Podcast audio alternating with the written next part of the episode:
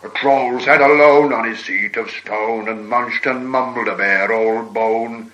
For many a year he'd it near, for meat was hard to come by, some by, gum by. In a cave in the hills he dwelt alone, and meat was hard to come by. Up came John with his big boots on, says he to troll, pray what is yon? For it looks like the shin of an Uncle Jim, as should be a loin in graveyard, caveyard, paveyard. This many a year has Jim been gone, and I thought he were lying in graveyard. My lad said, Troll, this bone I stole, but what be bones that lie in a hole? Thine uncle was dead as a lump of lead afore I found his carcass. Harky, Marky, he can spare a bone for a poor old troll. No.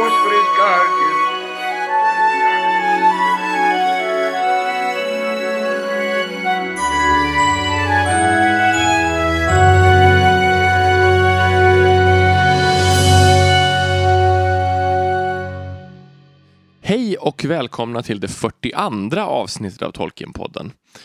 Vi hoppas att ni har provat på vårt lilla experiment från förra månaden. Ehm, vårt väldigt långa avsnitt som var tänkt att lyssnas på medan man tittar på Fellowship of the Ring. Eh, vi är glada att se att det är ganska många som har skrivit till oss och tyckte att det var roligt. Det är nästan fler än vad vi trodde, eller hur? Ja, verkligen. Och väldigt roligt att få så mycket respons. Absolut. Så tack för alla glada tillrop. Vilka är då vi eh, som gör podden som vanligt? Det är Elisabeth. Daniel. och Adam. Idag så är ämnet The Adventures of Tom Bombadil. Ehm, och vi har ju redan pratat om Tom Bombadil, kanske ni tänker. Men det här är ju alltså, vi ska djupdyka i volymen, eh, snarare boken. Och den innehåller väldigt mycket annat också. Mm. Än bara, så vi, lite uppräkning kommer det kanske bli från Tom Bombadil-avsnittet, men det var ju ett tag sedan också. Mm. ja, Vissa av er var inte ens födda när det avsnittet släpptes. Long ago in the early years of the second age. Ja, när avsnittet släpptes. Precis. Innan vi ger oss in på volymen om Tom Bombadil och hans äventyr så ska, har vi ju en stående punkt med Tolkien-tips.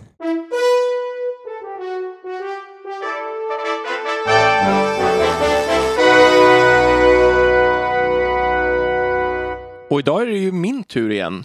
Eh, även om det var länge sedan. Det känns som det, var, det har varit, vi har haft några avsnitt utan Tolkien-tips nu. Ett Mm, avsnitt ett. i alla Det fall. var bara ett, ja, Mm. kanske. Men det var så långt. Ja, Så det kanske var det. Ja. Ehm, men, men det känns som det var länge sedan jag Så i hade ett poddtid Tolkien-tips. räknat så är det långt. Precis. Mm. Ehm, men eh, idag hade jag svårare än vanligt faktiskt att hitta något. Jag, var, jag funderade på lite olika saker men jag valde faktiskt inte förrän eh, tidigare i morse. Ehm, och det jag landade i det är en hemsida faktiskt Mm. som heter eh, Encyclopedia av Arda. Och anledningen till att jag valde den här är att ganska ofta när jag sitter och preppar lite grann till, till poddavsnitten så eh, vill jag kolla om det är någon till exempel om vi har ett tema så vill jag kolla om är det är någon, något omnämnande någonstans i Tolkiens verk som jag har glömt bort som jag inte tänk, har tänkt på att kolla upp. Och då brukar jag vända mig till de här olika internet, eh, vad ska man säga, källorna som, Som finns den tillgängliga. moderna människa du är. Precis. Jag, jag vänder mig till världsväven. Ja, Som, och då finns det ett gäng olika att välja på. Eh, man kan gå till vanliga Wikipedia som faktiskt har ganska bra Tolkien-artiklar. Bättre än vad man skulle kunna tro. Eh, man kan gå till eh, Tolkien Wiki Fandom som är en speciell avdelning av Wikipedia just för det. Och man kan vända sig till Tolkien Gateway som är ytterligare en sån. Och till den här Encyclopedia av Det finns säkert ännu fler men det är, det är de som jag ofta brukar titta på. Och jag tycker då att Encyclopedia Varda är den bästa av de här fyra. Eh, Wikipedia tycker jag ofta har bra information och också hänvisar eh, till var i böckerna informationen kommer ifrån. För det är väldigt viktigt för mig när vi gör den här researchen. Men ofta inte tillräckligt ingående för min smak. Det är väldigt översiktlig sammanfattning. Eh, vi grottar ju ofta på djupet här i podden. Ehm, och de andra två tycker jag, som jag nämnde emellan där, de tycker jag har brister i att de inte riktigt redovisar var informationen kommer ifrån och ibland blandar ihop kanonisk information, alltså information från Tolkien, med sånt som är uppfunnet av filmerna eller till och med diverse spel runt omkring. Att det kan vara lite svårt att skilja informationen åt och sålla ut varifrån den kommer. Därför tycker jag att Encyclopedia of Arda är den bästa av de här källorna. Och den är ju, som man hör, huvudsakligen en slags uppslagsverk på nätet. Ehm, den består av eh, ett antal, vad ska man säga, uppslagsord ehm, på alla bokstäver som vanligt och den tar upp alla möjliga aspekter, ungefär som till exempel Robert Fosters bok som vi har pratat om många gånger förut, The Complete Guide to Middle Earth, men i digital form. Men det som är bra här förstås är att man kan klicka sig fram mellan olika relaterade ord och liksom gräva djupare i olika aspekter som är sammankopplade med varandra.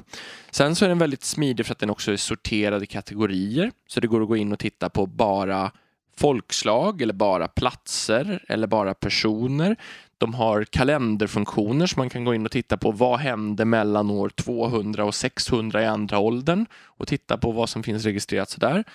Eh, de har en Eh, uppslagsverksdel eller en, en lexikondel där de tar upp olika vanliga för och efterled i tolkenska namn till exempel.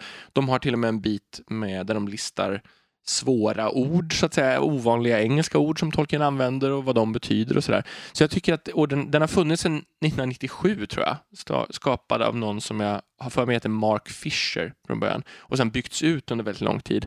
Så att den är inte helt lätt att hitta, man, man får ju googla på den specifikt, men det är inte en av de första sakerna som dyker upp om man bara googlar på ett Tolkien-relaterat um, ord eller namn eller så.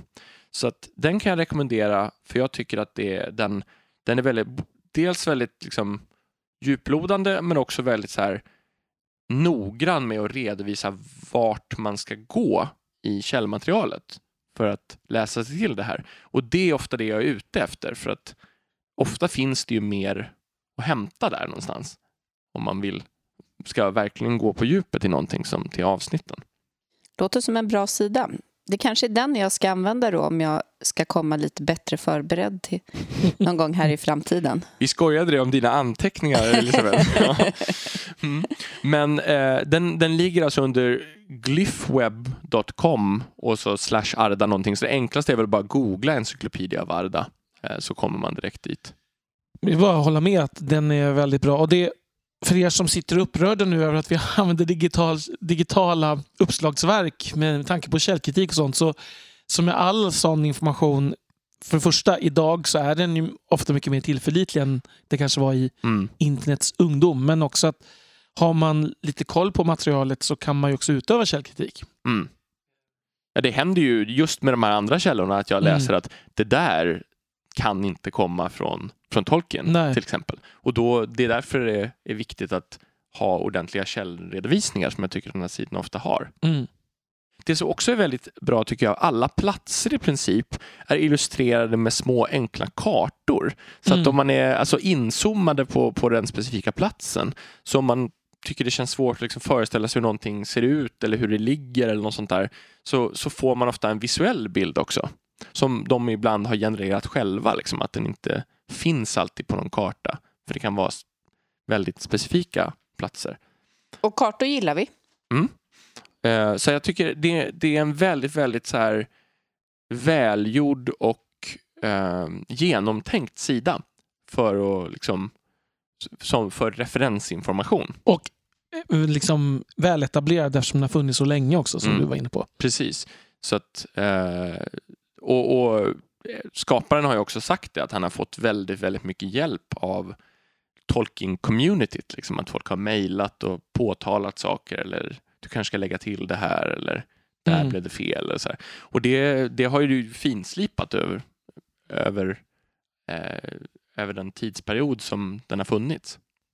Det jag tycker är viktigt och som jag tycker finns i den här med, med just uppslagssidor, det är att det finns en struktur som är någorlunda lika för likartade saker. Mm. Liksom, likartade uppslagsord så att man lätt hittar och får en överblick. Um, det tycker jag till exempel att jämför man till exempel svenska och engelska Wikipedia så tycker jag ofta att den engelska är mycket mer, vad ska man säga, det är fler som jobbar med den. Mm. Eller fler Mm. amat glada amatörer liksom, Mm. som har skapat någon slags struktur. Som jag tycker saknas ofta i den svenska.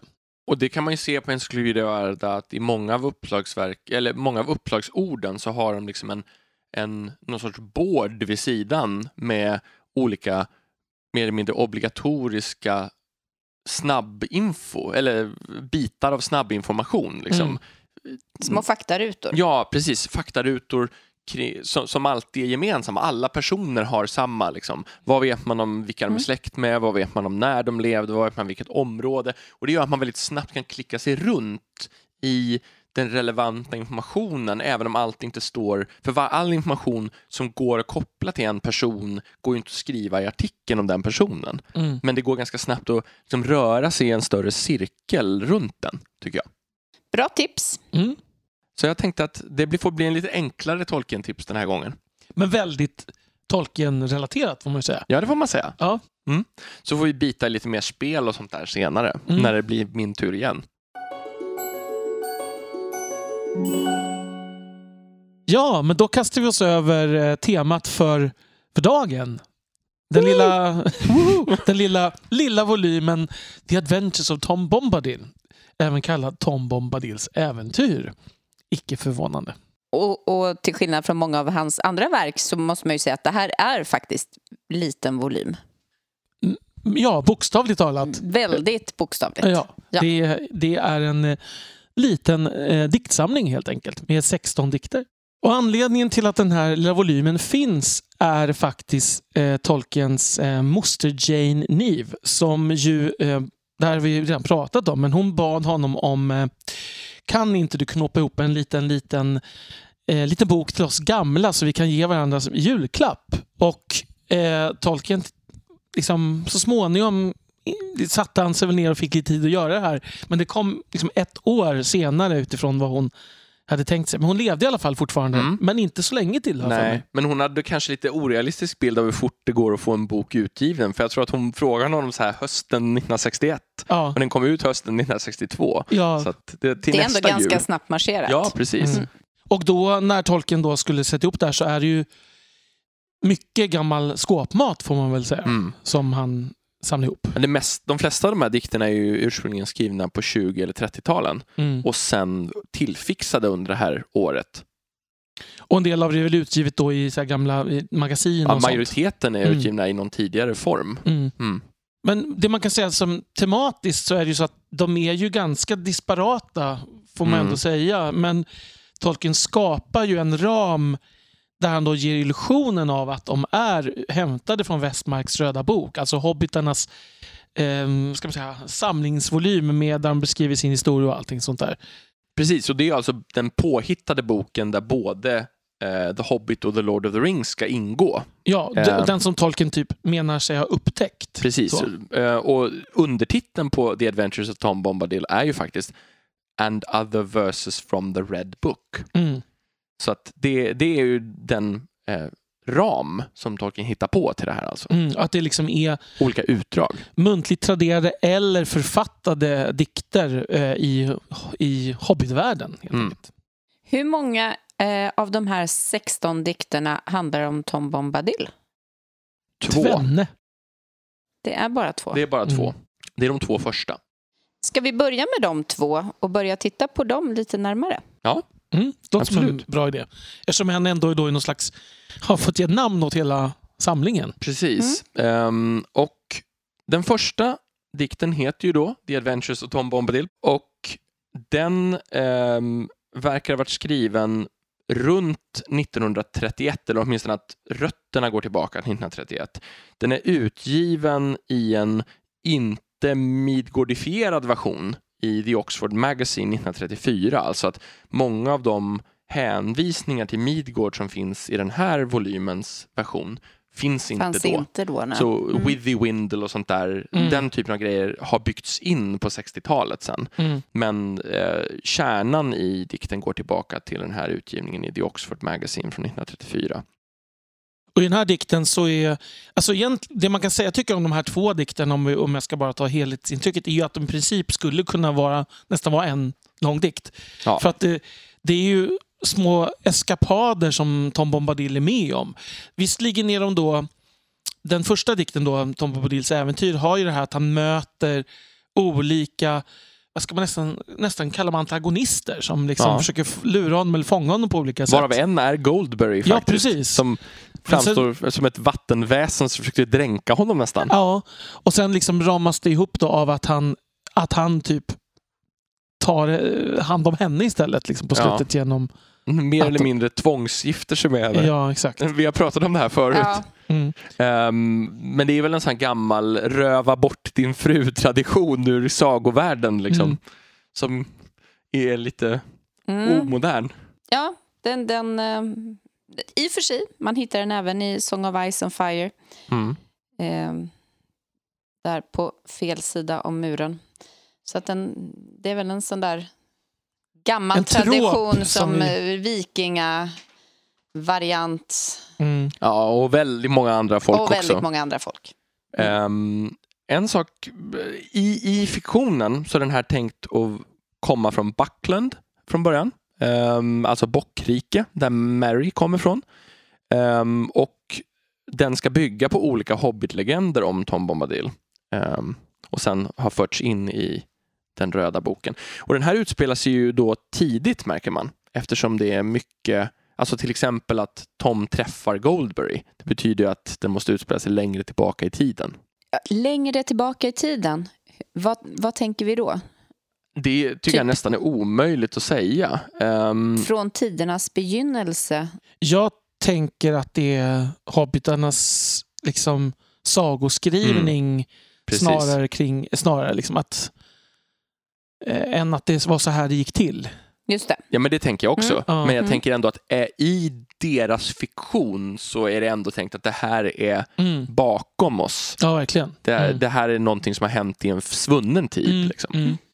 Mm. Till skillnad från nästa Tom Bombadil-dikt och som Mm. känns mycket mer som att den är Nära i tid. nära i svunnen, fast fortfarande en Ja, svunnen tid. Men, Precis.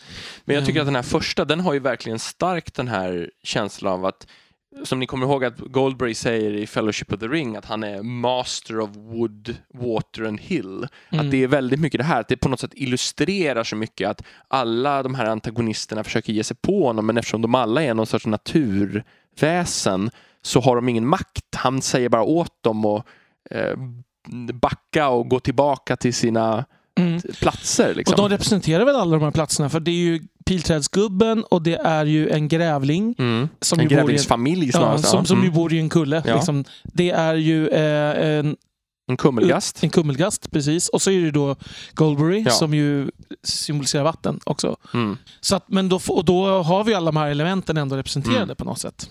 För kummelgasten bor ju också i en kulle. Mm. Precis.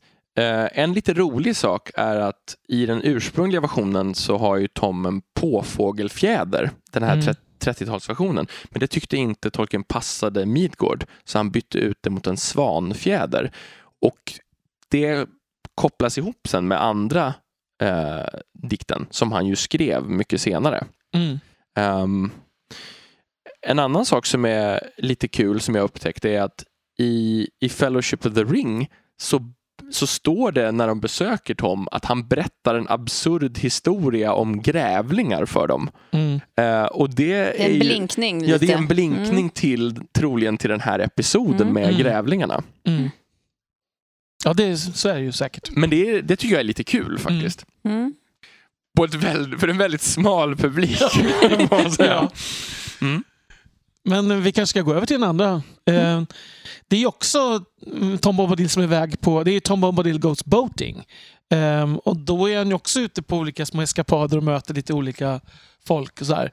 Jag, tyck, jag tycker personligen att den är lite svagare. Mm. Jag tycker den an, första har en struktur med det här vad ska man säga, upprepande temat att, tolk, eller att tolken, nej, att Tom Bombadil måste liksom besegra olika Mm. Mm. motspelare tycker jag liksom känns mer äkta folkloristisk. Mm. Den andra är lite mer eh, vag i konturerna tycker jag. Och jag tycker det märks väldigt tydligt att han har skrivit den här eh, till den här volymen.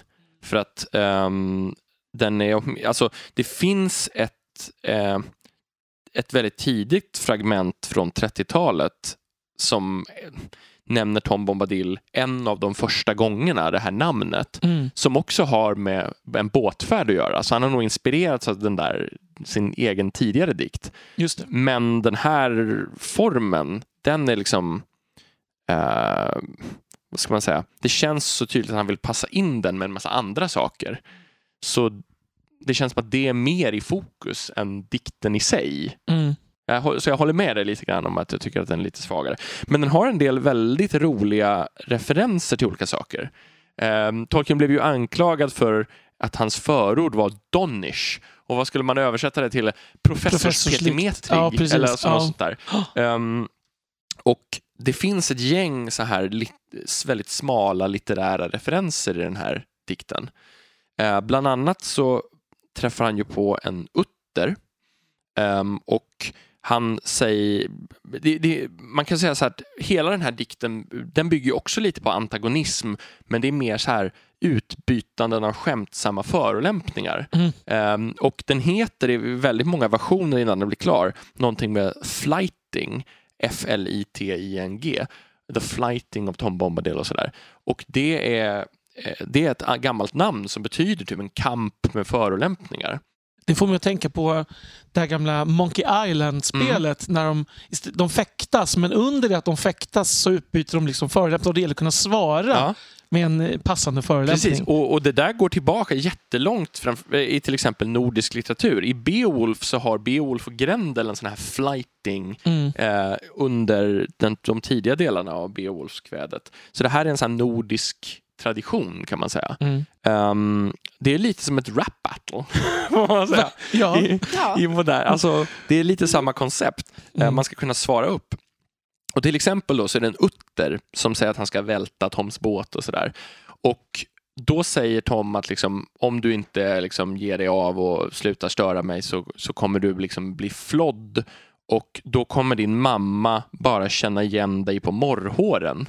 Mm. Och det, det här är en referens till Völsungasagan eh, där en karaktär i utterform, otter, eh, dödas av tre asar som sen måste betala mansgäld, vergeld, eh, för det här dråpet genom att täcka utterskinnet med guld. Och Mm. då är det ett morrhår som sticker ut och det täcks av en magisk ring som är central i berättelsen. Eh, Så där, och det har Tolkien själv sagt att det är en medveten referens till det. Ehm, dessutom så refererar han till två kungliga fåglar, svanen och Mm. the kingfisher. Som, eh, och kingfisher upptäckte Tolkien inte betydde att det är kungen av de som fiskar utan att det är kungens fiskarfågel. Mm. Så att det, då menar han att de är två kungliga fåglar och eftersom de är såna här vänner till Tom, även om de förolämpar varandra så är det på skämt. Liksom. Och det är de som drar tillbaka hans båt sen. Så de här två fåglarna är liksom goda fåglar som väntar Aragorns återkomst på något sätt. Så Oh. de är kungliga fåglar.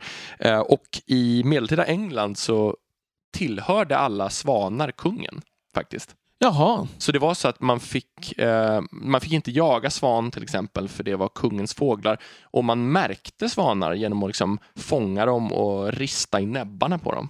Men var det inte så, alltså, jag bara tänker både olika djur som man jagade tillhörde Refererar kungen du här till Robin och, Hood när Ja, han... men lite grann. dräper, Men även, eh, vi kan väl vara här i Stockholm så fanns det ju eh, kungafamiljens Djurgården. Det var inte så Mm. Absolut. att man stack dit och jagade vilt Nej, där. men det här är reglerat i många gamla lagsamlingar. Ja. Liksom. Så att eh, det, där gör han också en medveten referens. Och sen så är det också en referens till något 1600-talsverk av en Sir Thomas Brown där om man flodde en kungsfiskare och hängde upp det, hängde upp skinnet liksom, så skulle den visa vinden som en vindflöjel. Och det är också en referens i, i Tom Bombadils ordutbyte med kungsfiskaren så säger han liksom att eh, liksom, så jag inte flår dig och gör det till en Just det, hur är din vindflöjel. gamla vindflöjel? Ja, typ. precis. Mm. Så det är en massa, här är han väldigt nördig och väldigt professorig. Mycket av den här går ut på som. Jag måste få ta en väldigt nördig liten parentes här. Eh, i, på, det gamla, hed, på den gamla goda tiden på skalman.nu-forumet som jag nämnt Ja. tidigare. Där vi satt och hade en, ett, det var ett internetforum där vi hade en lång diskussion om att eh, göra en översättning långt innan ö- nyöversättningen gjordes av Erik Andersson. Mm. Eh, jag tyckte att det roligaste med att översätta var att liksom grotta ner mig i ortsnamn. Mm. Vilket ju inte alla tycker kanske. Nej. Men då hamnade jag på det med Elvet Isle där, eh, Ja. där svanen bor. Att El, och det är, eh, Ormark översätter ju inte det. Han översätter till Elvetön. Men Mm. Elvet är ju ett gammalt engelskt, engelskt ord för svan. Mm. Och då finns det, upptäckte jag då, eh, jag var kanske inte först, men jag upptäckte det i alla fall, att Älmtaryd i Småland har samma förled. Mm. Så att Älmt, det, vi hade den eh, vad ska man säga, motsvarigheten till älvet. Och jag minns hur glad och nöjd jag blev när man insåg att vi har en direkt parallell som man kan använda, som är Mm. lika obegriplig. Nämligen. Jag blir glad av när du berättar det här så blir jag helt så här varm inombords. Ja. Eh, Så jag hade min lilla Älmtön där som eh, jag hade tänkt använda i min aldrig någonsin igångsatta översättning av Tom Mm. Bombadils äventyr. Och jag Men- blir glad av att se hur mycket du njuter av Ja. att ha gjort denna upptäckt. Ja, det men är ju det är helt som en- fantastiskt. Ett gott vin Ja. nästan. Ja. Liksom. Ja. Nej, jag förstår Loving precis. Mm. Um, apropå det här med fjädrarna så är det också så att den här eh, skriver Tolkien i förordet att den i hans fiktion så är den här dikten troligen skriven efter handlingen i Lord of the Rings. Eh, men den ska fortfarande utspela sig innan den. För här är det så att Toms svanfjäder som han får i första dikten, den är utsliten av att han har haft den så länge. Och han byter ut den mot en blå eh, fjäder från kungsfiskaren som den tappar när den flyger iväg. Och det är den har han, har han på sig när han träffar hobbitarna i Ja, Lord för of the jag tänkte, jag tänkte just det här med att det här ska vara liksom tidigare, men de mm, pratar ju om Farmen Maggot. Eh, Ja, men den här är ju i nära tid Ja, det till måste ju vara väldigt nära. Mm, precis. Och ja, det, det är bra att du tar upp det också. Han träffar ju som sagt Farmer Maggot, det är dit han ska och dricka öl. Mm. Och dansa med, Mm. med Farmen Maggots fru. Ja, precis. Och barn. Ehm, men det är också det kanske som jag tycker gör att det känns inte som en riktigt trovärdig inomvärldslig dikt. Nej, För att vem skulle ha skrivit den? Alltså, Nej, när liksom det är en verklig person som... Alltså den, den, får, den tappar ju hela sin sagokaraktär då. tycker jag, jag har faktiskt en, en teori där man skulle kunna lösa det. Ja, För det står att berätta. den här också kommer från Buckland. Mm. Jag tänker att den skulle kunna vara skriven av Mary. Mm. eh, som har inblick i att Ja, de här det. känner varandra Mm. och har varit och sett, alltså att han försöker skriva någon typ av tolkning Mm. som sen sprids liksom Det är väl en Buckland. rimlig tolkning, men det känns ändå som att den, den första är så tydligt en saga. Mm. Men här är det så nära verkligheten Ja, så att precis. det... Mm. Det här är väl som att det är verkligheten, Ja, Ja, egentligen, snarare. Mm. Sen så nämner den ju en del saker som är väldigt tydliga för den här tiden av liksom begynnande mörker runt Lord of the Rings. Alltså Mm. att när han diskuterar med Farmer Maggot och de pratar om olika liksom, eh, olika nyheter så pratar de om Watchers by the Ford, troligen Rangers då. Och de pratar om eh, liksom, olika oroande nyheter on the marches. Alltså, och det stå, finns ju i början av Fellowship of the Ring, att man pratar om att konstiga nyheter når Fylke om liksom, eh, oroligheter i utkanterna och i, i grannområdena. Liksom. Och det, det här känns som att den är liksom infogad i samma kontext. Mm. Den här ska egentligen vara efter Hobbit, före, Ja. alltså, lite mitt emellan dem, Mm. Jag skulle kan säga bara tänka sig. något eller några år före Ja. Lord of the Rings. Ja. Så. Eh, Jag tänker att en sista lite rolig sak som, som jag inte visste, som jag kollade upp här, när han i början, när han be, beslutar sig för att ge sig ut, så gör han det för att han fångar ett löv som faller från ett träd. Mm. Och eh, det är visst en folktrotradition att om man gjorde det så skulle man ha tur. Och det finns lite olika versioner om man skulle ha tur under en dag eller till och med under ett år eller något sånt där. Alltså medan det faller från trädet. Och det Tom säger då att när han gör det här så tänker han nu ska jag ta vara på den här turdagen. Jag använder den på en gång. Jag ger mig ut på båtfärd. Så Mm. att, och det hade inte jag förstått när jag hade läst det tidigare för nu har jag liksom gått djupare in och Mm. kollat Och bakgrunds... då får man ju lite en ny bild av honom som en som har behov av tur och Mm. otur Ja. eh, för att eh, göra, ta sig för saker. Det känns som att han var, liksom stod över allt Mm. sånt i övrigt. Men, Verkligen. men här förlitar han sig på att fånga ett löv. Man kan ju också fundera på om det är någon typ av, liksom, vad ska man säga, att han inte gör det här på allvar utan att han tänker så här, ja, de säger ju att det här ska vara tur så då får jag det som en ursäkt att åka båt. Eller jag förstår vad jag menar. Det, Just det. det är lite oklart exakt. Och för, är hon, samma- och för honom blir det åka båt, inte gå och köpa en trisslott. Nej, precis. Ja. Men, men det är lite samma som att så här, många av de här förolämpningsgrejerna, de är ju ganska så här, de låter ganska grova. Tom säger att han ska slå ihjäl alla möjliga djur här och, Mm. och liksom hobbitarna som han liksom håller på att småtjafsa med, de skjuter pilar i hatten på honom. Liksom så att det, hela grejen är ju skriven i en ton av liksom lite uppskruvad tonläge. Och det är därför jag tänker lite nästan på en rap battle, att det är liksom Mm. skämt fast med ganska hårda ord. Liksom. Mm. Men hela miljön är ju... Alltså, associationen är ju verkligen typ alltså det susar i säven, Kenneth Graham med talande djur som Mm. bor kring en älvbrink och så. här. Ja. Alltså det är ju det är ju en bok som Tolkien har läst. Mm, och det är till klart. och med så att någon, någon har pekat ut att första kapitlet av Det susade säven, Ja, det finns en del väldigt specifika grejer som när, där när uttern dyker upp, just att det. det verkar som att Tolkien nästan har antingen omedvetet eller omedvetet liksom kopierat eller snott lite formuleringar. Det är väldigt lika små stycken där runt den biten. Mm. Från första kapitlet i Det susade säven.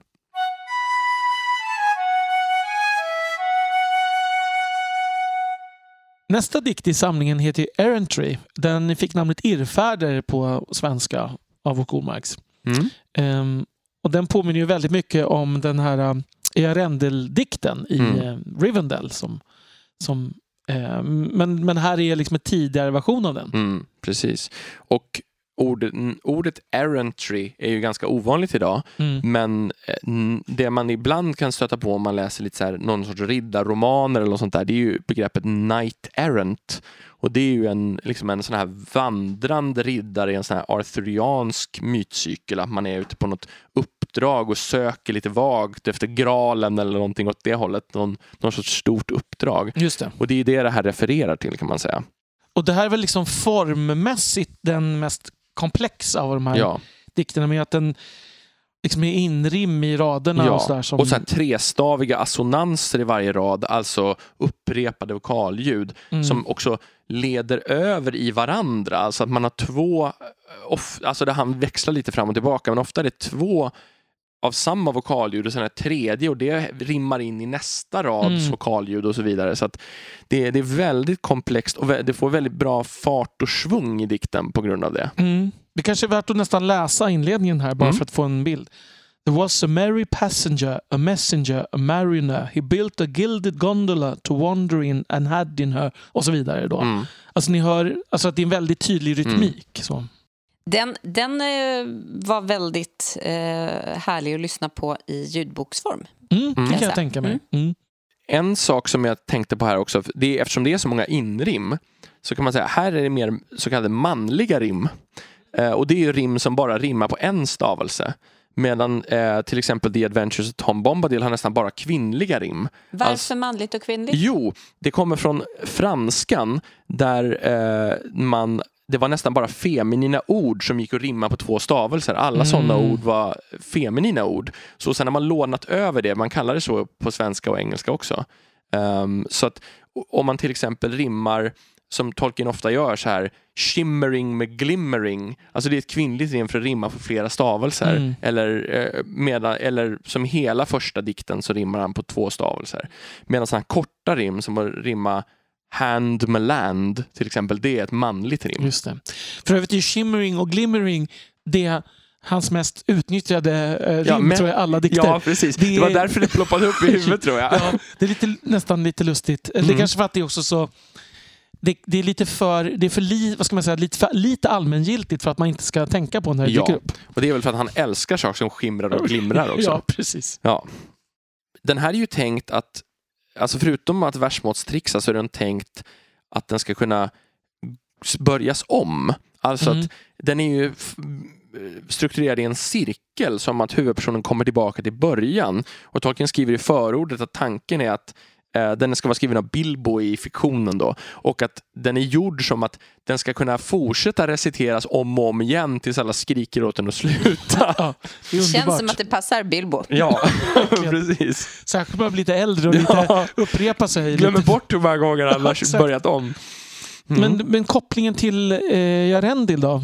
Mm. Ehm, hur... eh, Erendil växte fram, Erendil Bossa Mariner växte fram ur Errantry. Mm. Så här så använde han sig alltså av en tidigare version ehm, och gjorde, för de hade, den hade ändrat på sig så mycket, Mm. Erendil-versionen. Men han nämner också det i det här förordet att ja, att man kan se kopplingen även liksom i, inomvärldsligt till det. Mm. Så. så han erkänner så att säga det i förordet, att de här är kopplade till varandra. Och båda, är alltså, båda har ju kopplingen till Bilbo dessutom. Ehm, Ja, men det är som att Bilbo har gjort olika versioner när det faktiskt är Tolkien som har gjort olika versioner. Mm. Och jag tror till och med att han skriver något lite gulligt i förordet bara att Bilbo var så nöjd med versmåttet. ja. Att det är så tydligt att det är han själv som är Bilbo som är nöjd Ja, med versmåttet. Ja.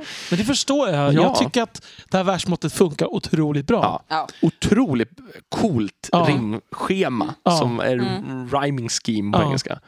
Men vad handlar den om egentligen? Eh, ja, den är ju just en sån här en, uh, vet du, en hjälte kan man säga som ger sig ut på en sån här, en sån här uppdrag och möter massa konstiga uh, varelser och han träffar också en, en, vad ska man säga, han träffar en, vad heter det på svenska, fjäril som han ska gifta sig med och som ja, han, det är, ju- man, man tänker att det är lite så här Ja. tummeliten-berättelse. Ja men verkligen. Ja. För, för att de han möter är ju liksom he- battled with the Dumbledores Mm. eh, och så vidare.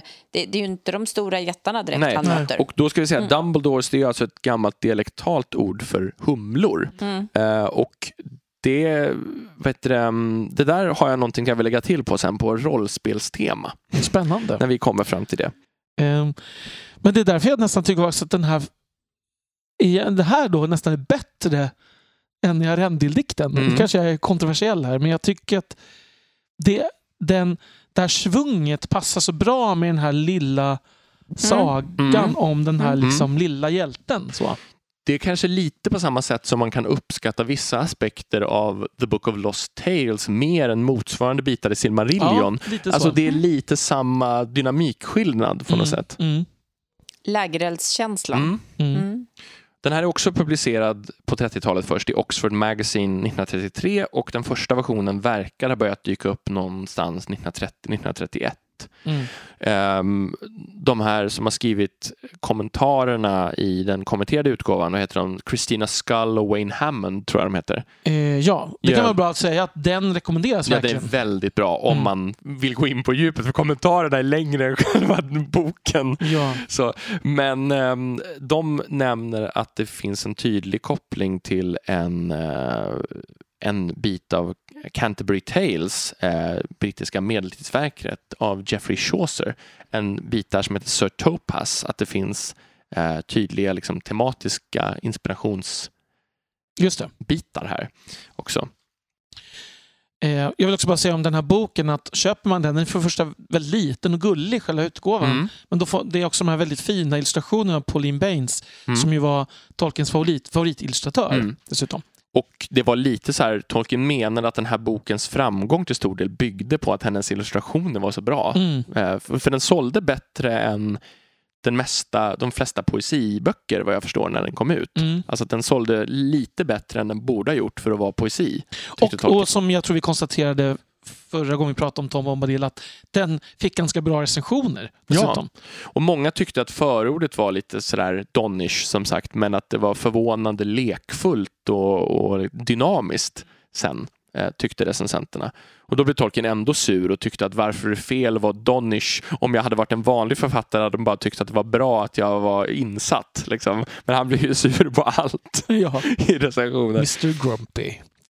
Och där är det också så här att, att det finns en del lite större illustrationer men också väldigt många sådana här små söta miniformats delar som är inlagda i en väldigt liten och pluttig bok från början. Så att det är ju liksom de små, små detaljerna som, som tillför mycket. Ja, den är väldigt trevlig, Mm. hela utgåvan. Mm. Ehm, nu kanske det är dags då, om vi, innan vi går vidare till nästa, att jag slänger in den här lite lilla rollspelsparallellen här. Gör det. Ehm, I många rollspel som man försökt skildra Midgård så har man gärna velat ha fler olika varelser i världen så att säga. Och då har man plundrat i Adventures of Tom Bombadil och liksom använt de här Hobbit-legendsvarelserna och gjort dem till riktiga konkreta Midgårdsvarelser.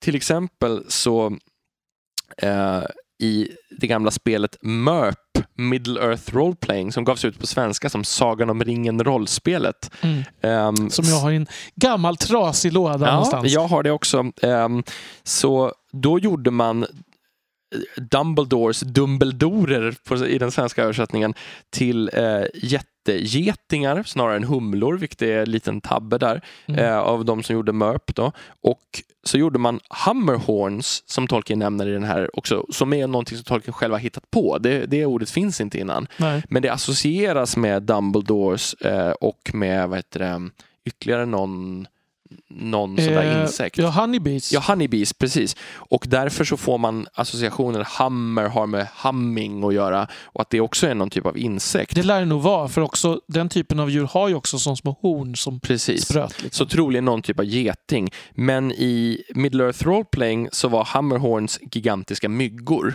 Mm. Och jag kan säga, apropå våra tidigare skämt med så här rollspelstolkningar så är det så att Dumbledore står att de gärna attackerar riddare i full rustning och att de ger två, två T10 skada såklart. av gift Ja. om de sticker den, Ja. vilket jag inte kunde eh, hålla mig ifrån. Mm. Ehm, sen så är det det här eh, kortspelet som jag har nämnt tidigare. De har valt att plocka upp Hammerhorns, In, inte några av de andra, men de har Hammerhorns med som ett kort som finns med i grundboxen. Som är ett fruktansvärt jobbigt kort. Eh, där är de också jättegetingar som finns i Mirkwood i deras tolkning. Eh, och det är väl, tycker jag, är en, så här, det är en okej tolkning. Mm. Eh, jag tror inte att det här är en riktig varelse i Midgård, Nej. men jag tycker inte, jag blir inte upprörd över den varianten. Vi föredrar dem nästan som jättegetingar än myggor, Ja, absolut. Mm. får man väl säga. Mm. Och det är också jättekonstigt i Mörp, tycker jag, just att de gjorde Dumbledorer, till, alltså som om de inte översätter det att, till något annat än humlor, när det faktiskt betyder humla. Mm. Liksom. Då kunde de vara Det är ju, jättehumlor det är ju istället. inte så skrä- skräckinjagande. Du kan göra en humla nästan hur stor som helst. Ja, det får du, åh lilla humlan.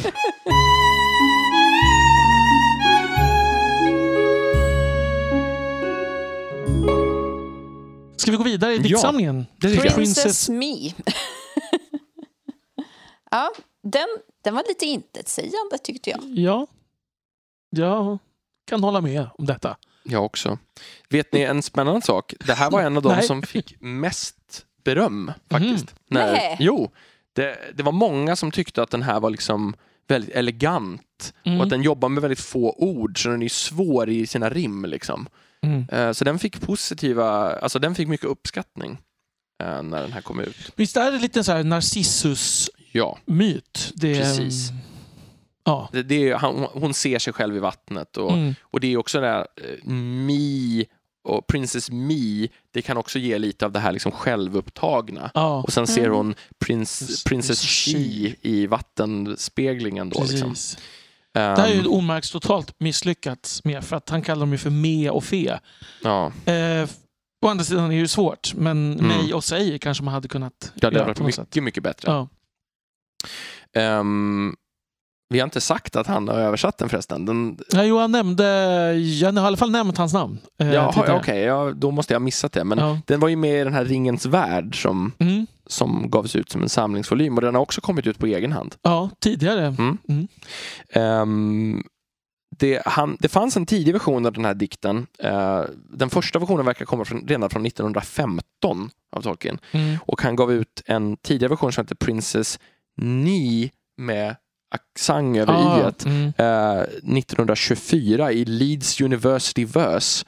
Ehm, och det verkar vara en, det här ni som man har då, det verkar komma från någon sorts så här The Night to say. Nej, faktiskt Nej. inte ni. Ja. Nej, utan det verkar vara en, någon sorts typ walesiskt feminint patronymikon Okej. såklart. Ja. Eh, typiskt Tolkien. Mm. Ehm, alltså dotter Elisabeth av... bara skakar på huvudet där borta i hörnet. Alltså, det är alltså dotter av någonting då. Ja. Alltså jösses. Mm.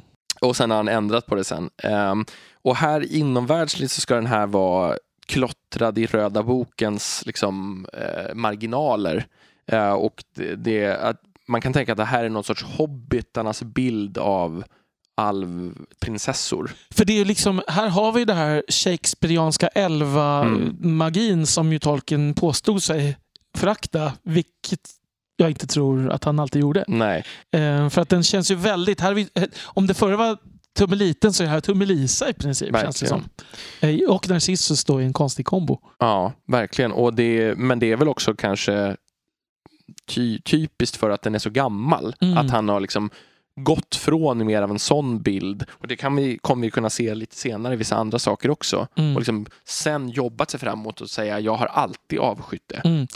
Men det funkar ju också inomvärldsligt dock att hobbitarna skulle ha den bilden. Tycker Ja. jag. Eftersom hobbitarna är engelsmän och engelsmännens bild av det här är ju Shakespeares bild av det. Ja. Så det ja. Och det, jag tycker absolut att de har fångat det till exempel i Fellowship of the Ring-filmatiseringen Mm. när, när de ser alverna Ja, alltså just det. man, man kan se hur Sam ser på det här. Mm. Får ju någon typ av den här fairy, Mm, fairyland, Mm. liksom Mm.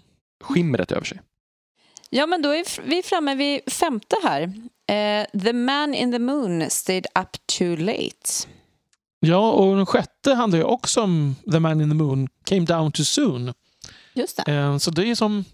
De hänger ihop på ett Mm. fint sätt. Vi kanske kan behandla dem lite tillsammans, även om de i eh, liksom, Tolkiens fiktiva värld eh, har lite olika bakgrundshistoria. Eh, han menar ju då att det är Bilbo som har skrivit The Man in the Moon stayed up too late medan eh, The Man in the Moon came down too soon ska komma från Gondor och att möjligen har Bilbo petat lite i den och anpassat den men den är huvudsakligen en gondoransk dikt. Mm.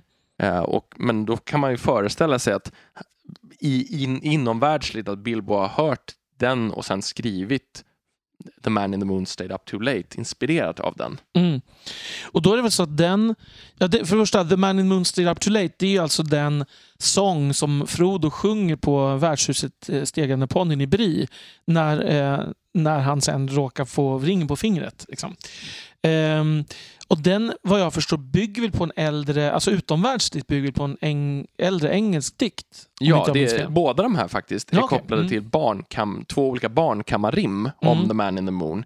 Eh, och båda av dem är också liksom har gått från det här barnkammarrimmet, har först tolkats av någon som heter George MacDonald 1870 Mm. som eh, gav ut en bok, en diktsamling som heter At the back of the North Wind där han tolkade den första som The True History of the Cat and the Fiddle.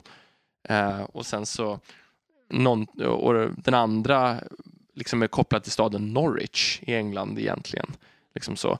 så båda de här liksom, har en ganska lång historia både innan Tolkien och und- att Tolkien sen har gjort många revideringar. Skrivit dem någon gång liksom 1920, 1919, 1920 och sen, eh, nej, till och med 15 den första kanske. Alltså The Man in the Moon came down too soon och sen jobbat med dem under 20-talet så att de är väldigt gamla för honom Mm. också. Så man kan säga att han gör en tolken på flera olika sätt. Dels att han håller på med något väldigt länge, men också att han försöker ge någon slags förklaring. Det här ifrån de här sängkammar, barnkammar. Daniel, alltså de strategierna, funkar de? Nej, bevisligen inte. Precis, bara, bara Ja. slip into something a little more comfortable. The man in the mood and silver should. Ja. Ja. Hey diddle diddle. Ja. Oj, oj.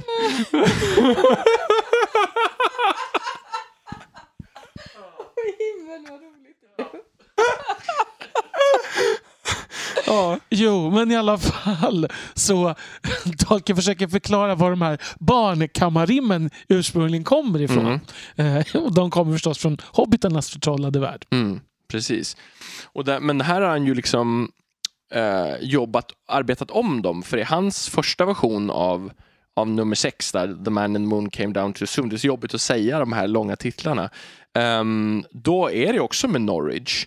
Uh, men inför publikationen av den här uh, boken så har han liksom arbetat ut Norwich och jobbat in The Windy Bay of Bell och vad heter det, tornet Tirith Ayar i Dol Amroth i, i, liksom, i det för att ge en tolk eh, eller en Middle-earth-koppling. Liksom. Just det.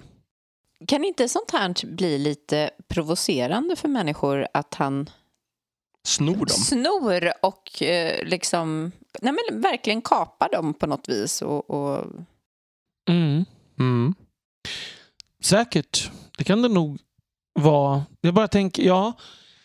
Bara tänker, det är ju en gammal härlig tradition samtidigt att bygga vidare på andras berättande. Men han Mm. gör ju liksom... Han gör det ju med någon slags copyright-krav samtidigt. Mm. Ja, Mm. ja, men lite så. Sen tycker jag att det är väldigt roligt att Eh, att man har liksom så här lite barnkammarrim och pratar om att eh, gubben i månen ska... Supa sig eh, su- dyngfull. liksom, ja, men verkligen. Mm. Ja, Ja, precis. Tjo! Tjo. Ja, men han, han menar väl kanske att det, de har blivit barnkammarrim men inte var det från början. Mm. tänker jag. Eh, och- en annan sak som jag tycker är intressant med just de här är att The Man in the Moon, Tolkien är lite besatt av den gestalten. För han förekommer jättemycket, inte bara i de här två dikterna utan eh, i The Book of Lost Tales så har han en sån gestalt som en gammal alv som heter Ole Kovion eh, som, som är liksom mannen i månen. Och han, den gestalten kanske finns kvar lite grann i Tilion som styr månen i den publicerade Silmarillion. Mm, Liksom. mm. Eh, Mannen i månen förekommer också i Rover Random. eh, den här boken om den lilla hunden som försvinner. Och den förekommer också i flera Father Christmas letters. Eh, alltså de här breven han skrev från jultomten till sina barn. Och ett av dem har också en liksom tematisk koppling till eh, den här eh, The Man in the Moon came down too soon. Där han eh, ju vill prova på alla de här gott, goda och färgglada och roliga sakerna som verkar finnas nere på jorden. Men han kommer ner och får liksom kall gröt för han är för tidig för plumpudding till exempel. Och det, i ett av de här Father Christmas letters så säger tomten till Tolkiens barn att mannen i månen kom och hälsade på och vi gav honom lite plumpudding för han är så förtjust i det. Så att till och med i de här grejerna så sitter Tolkien och liksom väver kopplingar mellan allt han skriver. Ja, det är faktiskt underbart. ja. Ja. det är det verkligen. De, de är ju väldigt lika de här två. Mm.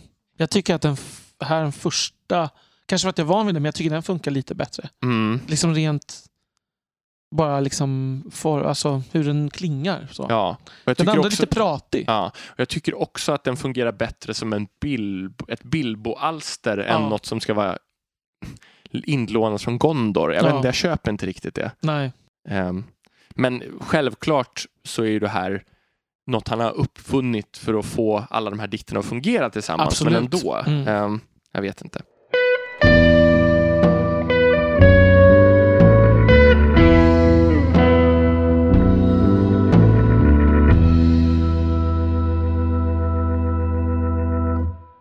Nu har vi två dikter med trolltema här. The Stone Troll och eh, Perry the Winkle. Jag kan ju inte komma eh, bort ifrån ett funder, eh, lite funderande här. Om det är så, för den här första, The Stone Troll, eh, känner ju jag igen så tydligt från att Sam eh, säger den, eller Mm. sjunger den, eller vad det nu är han gör. Eh, och jag har fått för mig att det finns med i filmen. Men vi, jag tror inte det. Och vi Men- såg ju filmen alldeles nyss. Ja. Ja, men det är jättekonstigt. Du kanske vill att det ska vara med i Jag filmen? vill, eller så har jag hört den så tydligt inom mig så att jag kan liksom på något vis koppla. Men det är, det är ett mysterium. Jag Jag ska önskat. forska vidare i det där och Ja. tar, se om Mm. jag kan ta reda på det. Precis, men, men den första av de här, alltså den som Elisabeth syftar på, den sjungs ju alltså i Fellowship of the Ring i boken eh, av Sam. Och den fanns i Tolkiens liksom, skrivande av boken, fanns den först i, på lite andra ställen och flyttades runt. Olika personer sjöng den vid olika delar av storyn tills den landade. Boromir sjöng. Nej, jag skojar. ja. Eh, jag, tror, jag tror att det är Vid rådslaget. Ställde han sina händerna bakom ryggen. Och Elrond bara käften Boromir. Ja. Nej, men jag tror att det är Bilbo i en tidig version. Mhm. Ehm, och så. Men hur som helst, den flyttades runt lite och sen landade den hos Sam ehm, som säger att det bara är a bit of nonsense eh, när, han, ska, när han Mm. blir frågad om den. Liksom. Men det är han som har knoppat ihop det här. Ja, Mm. precis. Inspirerad av Bilbos diktande, Mm. verkar det som. Ehm, här är det viktigt att huvudpersonen i The Stone Troll heter ju också Tom. Men det ska alltså inte vara Tom Bombadil, konstigt nog, trots att det är en Tom som är lite lurifaxig i Ja. boken The Adventures of Tom Bombadil. Det hade varit mycket bättre om det hade varit så. Ja, precis. Men det finns ju saker här som visar att det inte kan vara så. Mm. Eh, han, har en, han har en farbror och han får en förlamad fot och lite sådär. Mm. Ja. Och Pauline Baines som gjorde illustrationerna, hon trodde att det var Tom Bombadil. Så hon illustrerade dikten så. Mm. Man kan ju, vi kan läsa den så. Mm. Tycker jag. Hobbiten behöver inte veta, Sam behöver inte veta att Tom inte har en farbror. Liksom. Nej, precis. Absolut, men det är väl öppet för tolkning. Men Mm. to- jag tror inte Tolkien tänkte Nej. att det var Tom Bombadil. Tom är ju liksom ett sånt där allmängiltigt namn som bara liksom Mm. står för en mansperson. Liksom. Mm. Every Tom, Dick and Harry brukar man ju säga. Liksom. Mm. Eh, Då menar man ju typ alla. Man måste ju säga att han har en liten ovana vid att ge folk samma namn. ja, kan vara lite verkligen. förvirrande ibland. Ja, Mm. det får man säga. Och den första versionen av den här, den hade en titel på latin, Pero et Podex. Ehm, ah, såklart. Eh, Mm. Och det är skriven på 20-talet någon gång och sen så blev den eh, omvandlad till Root of the Boot 1936 som gavs ut i Songs for the Philologists. och, Ja, man kan inte tänka sig något nördigare nästan. nej, och som skulle sjungas till melodin av någon, av någon sång om, om vad heter det, rävar som Tolkien tyckte mycket om, som Christopher Tolkien har sagt att pappa sjöng på hela tiden. Och säkert är det den melodin han sjöng, för han har ju sjungit in den här Ja, som vi mm. hörde i inledningen. Precis. Ehm, så är det antagligen den Mm. melodin. Precis. Så ehm, ja, det, det här är ju också en... Men det är, ju, det är ju humor på en, det är på en så låg och ändå så akademisk nivå på något sätt. Ja, det är, det är som gång. att liksom koppla ihop Horace Engdahl med Stefan och Krister. Liksom. Ja, det är, de, de möter varandra här. Ja, det är ju lite charmigt måste jag säga. Men det är så här, humorn ligger i att Tom sparkar trollet i rumpan. Men eftersom trollets rumpa är av sten, eller hårdare än sten, Mm. så, så blir Tom, får han ont i foten. Ja, Det är mycket roligare än så blev det liksom inte. nej. Perry the Winkle då? Ja, den, den gick mig bara förbi, ska Mm. jag känna. Jag tycker att den här inte skulle varit med. Nej. Eh, Den tillskrivs också Sam. Eh, Den hette från början The Bumpus eh, och eh, var skriven 1928. Um, ehm, Från början var det inte här ett troll utan en Bumpus som Tolkien verkar ha uppfunnit själv och i en illustration som, man, uh, som kommer från originalet så är The Bumpus någon typ av rund ödelik figur med svans. Så det här är något lite ormdrakaktigt fast lite tjock och gullig liksom Mm. med, som, som bakar åt folk. Och från början så är det ingen hobbitkoppling utan han träffar på vanliga människor liksom, och en, en polisofficerare och något sånt där. Det är några små referensramar med Weathertop, Bree, Mm. ja, Ja, de bygger han in Shire. till 62-versionen alltihopa för att göra den mer Tolkiensk. Och han tänker att det här ska Eh, vad det? I, det finns ett manuskript till den här som finns i Bodleian Libraries och där står det som en undertitel att det är A Children's Song in the Shire attributed to Master Samwise. Sen har vi ett gäng dikter som kommer nu som har någon slags så här tema varelser eller djur Mm. kan man säga. Mm. Först har vi då The Mulips Mm. eh, och den heter från början, här måste jag läsa för det är en så lång titel. Från början så hette den då, eller i en tidigare version hette den Knocking at the door, lines induced by sensations uh, when waiting for an answer at the door of an exalted academic person. Så Oj. ursprungligen så var det här eh, skriven 1927 troligen och utgiven 1937 i Oxford Magazine och att den är en sorts satir över universitetslivet. Att man liksom sjunker ner och dör medan man ska vänta på någon som inte behagar dyka upp. Liksom. En Men liten det allegori. tyckte jag höjde nivån på den lite. Mm. Det gillade jag. Jag gillar sånt. Alltså, här har vi ett exempel på, det har, vi, har inte jag sagt än, men jag, jag kan säga det nu när vi kommer till den här. att Jag tycker ibland att innehållet är mer intressant än att själva hantverket är helt hundraprocentigt lyckat. Mm. Och här tycker jag att det är så. Jag gillar, jag, det är, de är lite obehagliga måste jag säga. Mm. De här, Mm. you go, där slutet, you go to find the mulips and the mulips feed. Mm. Alltså det är ju rätt obehagligt. Mm. Men, men, det, men som helhet tycker jag inte riktigt att, att dikten helt hänger ihop. Nej, eh, det här är ju den enda dikten som inte nämns i Tolkiens förord Mm. till det på något sätt. Eh, Men han däremot så diskuterar han det lite grann. Han skriver ett brev till en Miss Allen 1963 som inte finns med i Letters. Mm. Mm. Och i det så kommenterar han det här att det här är bara en legend för hobbitar. Men som det verkar vara formulerat, only a legend to the hobbits. Så det är lite oklart om man menar att det är hobbitarna som har hittat på the mulips eller om de är en legend för hobbitarna. Det vill säga att de finns på riktigt men, Mm, men jag, förstår. tol- jag tolkar det mer som att det är deras, någon typ av hobbitskildring av en läskig utanförvärld. Liksom. liksom, ja, att det är så, orker eller något åt det så hållet. tolkar jag det också. Mm. Precis. Eller bara så här, man ska med barn med. Helt Ja. enkelt. Precis. Helt enkelt. ja, som man ju Ehm, gör. Ehm, här har jag några eh, liksom andra kulturreferenser. Mm. Hur, till exempel så i en person som vi nämnde lite snabbt i vårt musikavsnitt, eh, Colin Rudd, som har eh, vet det, tonsatt en del av Tolkiens dikter. Han har gjort en ganska trevlig eh, gitarrversion av den här. Okej. Ehm, och som är lite halloween, eh, så här, mm, mm. rysig. Så, ja men lite så. Och han, vad heter det, um, dessutom så finns de här med i Middle Earth Role Playing som vi nämnde under Mm. namnet Dyvättar. Det är Olmarks det är. Olmarks översättning. Ja. Mm. Ehm, och alltså, de heter ju då Mulips för, såklart i det engelska originalet. Ehm, men sen så finns de, eftersom det finns, eh, även i kommentarerna här så nämner man att en del av, av naturen, eller bildspråket i den här dikten eh, ger associationer till Mirkwood. Eh, Mm. och det i utgivningen av det här The One Ring, eh, rollspelet som jag pratat om ganska många gånger, eh, som jag tycker är bra, se, som snart kommer i en andra utgåva med svensk koppling.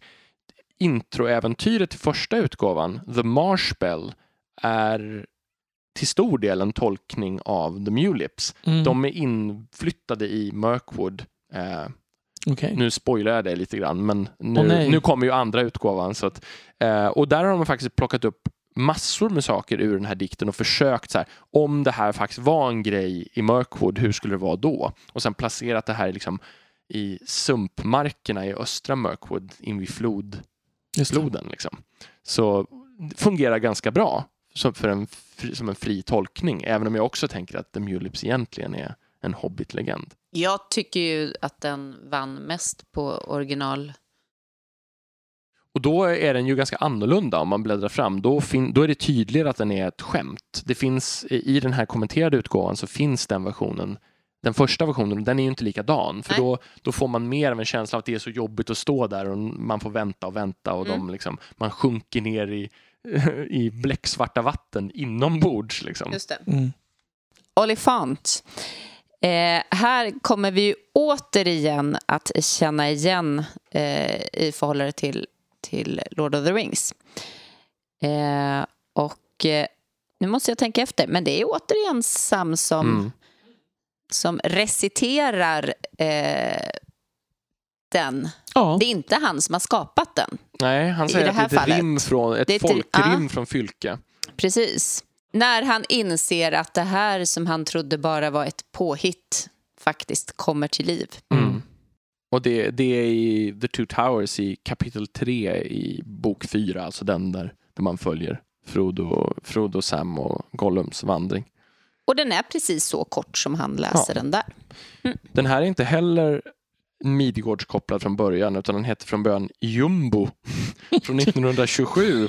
Så gavs ut i Stapleton Magazine. Mm. Jumbo. Ja, Jumbo.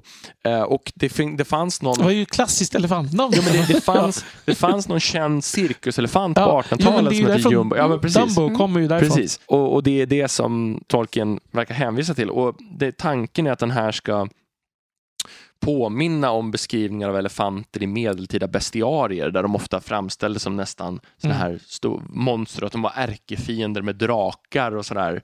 Liksom. Så att han har inspirerats av den typen av medeltida texter. Ja, Oliphant är ju det gammalt engelskt, Mm. alltså en variant Precis. av Elephant. liksom. Ja.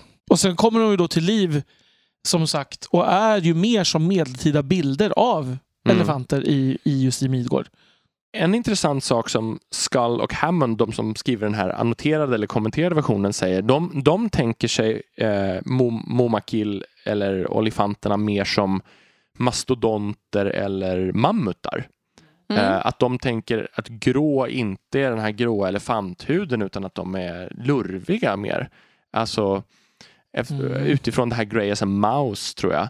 Eh, det har jag aldrig reflekterat över faktiskt. Att de skulle vara så. Men de kommer ju från ett varmt klimat så jag tänker att Det tycker jag låter jag osannolikt. tycker också det. För att för mammutar var ju inte grå. Nej, de var ju bruna. Ja.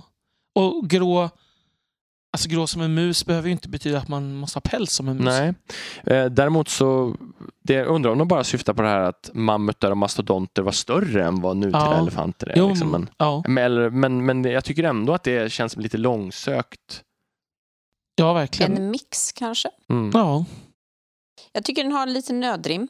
Ja, Mm. absolut. Eh, men eh, i övrigt så...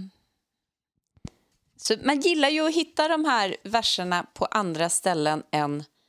Alltså att de återberättas i Lord of the Rings gör ju att det blir någon sån här relation till, eh, till någonting större. Jag gillar det uttrycket. Mm. Där, där kommer ju Tolkien så här mytosbygge där han liksom Ja. kopplar ihop sina Ja, egna är saker ju, med man varandra. slås av det gång på gång. Ja. ja, man blir lite förtjust. Ja. Sen så kommer vi då till fastitokalon, för jag tror det faktiskt ska uttalas så Mm. eh, med betoning på sista stavelsen med tanke på hur rimmandet ser ut två gånger där eh, apon rimmar på fastitokalon och ytterligare någonting sånt, så det ska nog betonas på sista. Här finns det lite mer faktiskt. Ehm, här Det är finns, ju en jättestor sköldpadda, ja, kan vi börja med att det är säga. en monstersköldpadda som folk landar på och då kan de bli dränkta. Mm. Och här så finns det faktiskt ett brev i Letters nummer 255 till en Eileen Elgar där hon har skrivit till Tolkien och uppenbarligen påpekat att det här låter grekiskt och Tolkien skriver tillbaka och är jätteimponerad över att hon har sett den grekiska roten i det här ordet. Mm. För det här är från början kommer från början från ett gammalt grekiskt ord som heter, jag vet inte uttalet, men aspidokelone eh, på grekiska som betyder eh, turtle with a round shield of hide. Och det här har överförts in i en, vad heter det, ang- till anglosaxiska och blivit astitokalon. Men i någon källa som Tolkien har läst, någon gammal anglosaxisk källa, så har eh, alltså astitokalon som det här fast utan f så har eh, förekommit en rad som går så här. Thum is noma kenned fyrnstreama geflotan fastitokalon. fastitokalon. Och då är det så att den här författaren på anglosaxiska har bara slängt dit ett F Mm. för att allitterationen ska funka. Ja. Det är Och- så man gör. Precis, och det det betyder då i den här anglosaxiska källan är till hon, ungefär något, till honom är ett namn givet flytaren i fornströmmarna det. Så. Och här blev jag lite när jag eh, läste den här, just den här känslan. Vem skrev han till? Snälla säg att han inte skrev till sina barn och gav dem vattenskräck. För det, Mm. just den där, eh, nu, nu kanske jag tillhör de som inte älskar eh, alltid vatten och eh, allt som lever som man inte ser så där under vid tårna Mm. eh, när man badar i havet. Men det här skulle ju, om man var barn och börjar få någon bild av någon som plötsligt tippar en och får en att drunkna och sådär. Ja, nej, det Man blir sugen på att bada i havet. Nej, nej.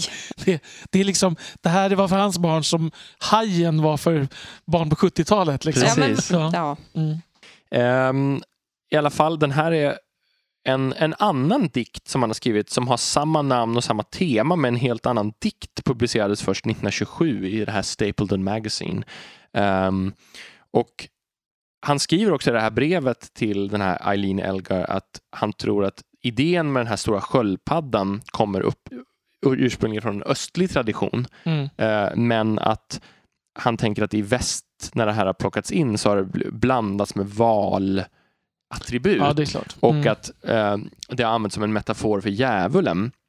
Och han jämför också med, eller eh, jag vet, minns om, nej det är nog inte han utan det är nog eh, de som skriver kommentarerna. Skull och Hammond jämför med The Voyage of Saint Brendan som är en sån här eh, vet det, helgontradition, gammal, där det också finns ett så här dykande monster som framstår som en ö först och som man sen drunknar på.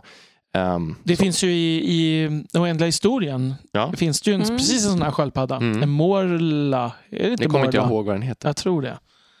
Eh, Men jag associerar till Numenor och Atlantis. Mm. Alltså att, att det här är en del av hans, det här, den här drömmen med det här liksom ön som går under. Mm. Ehm, alltså tolken som han, Mm. hade den drömmen. Det känns ju som att kopplingen inte är långt borta.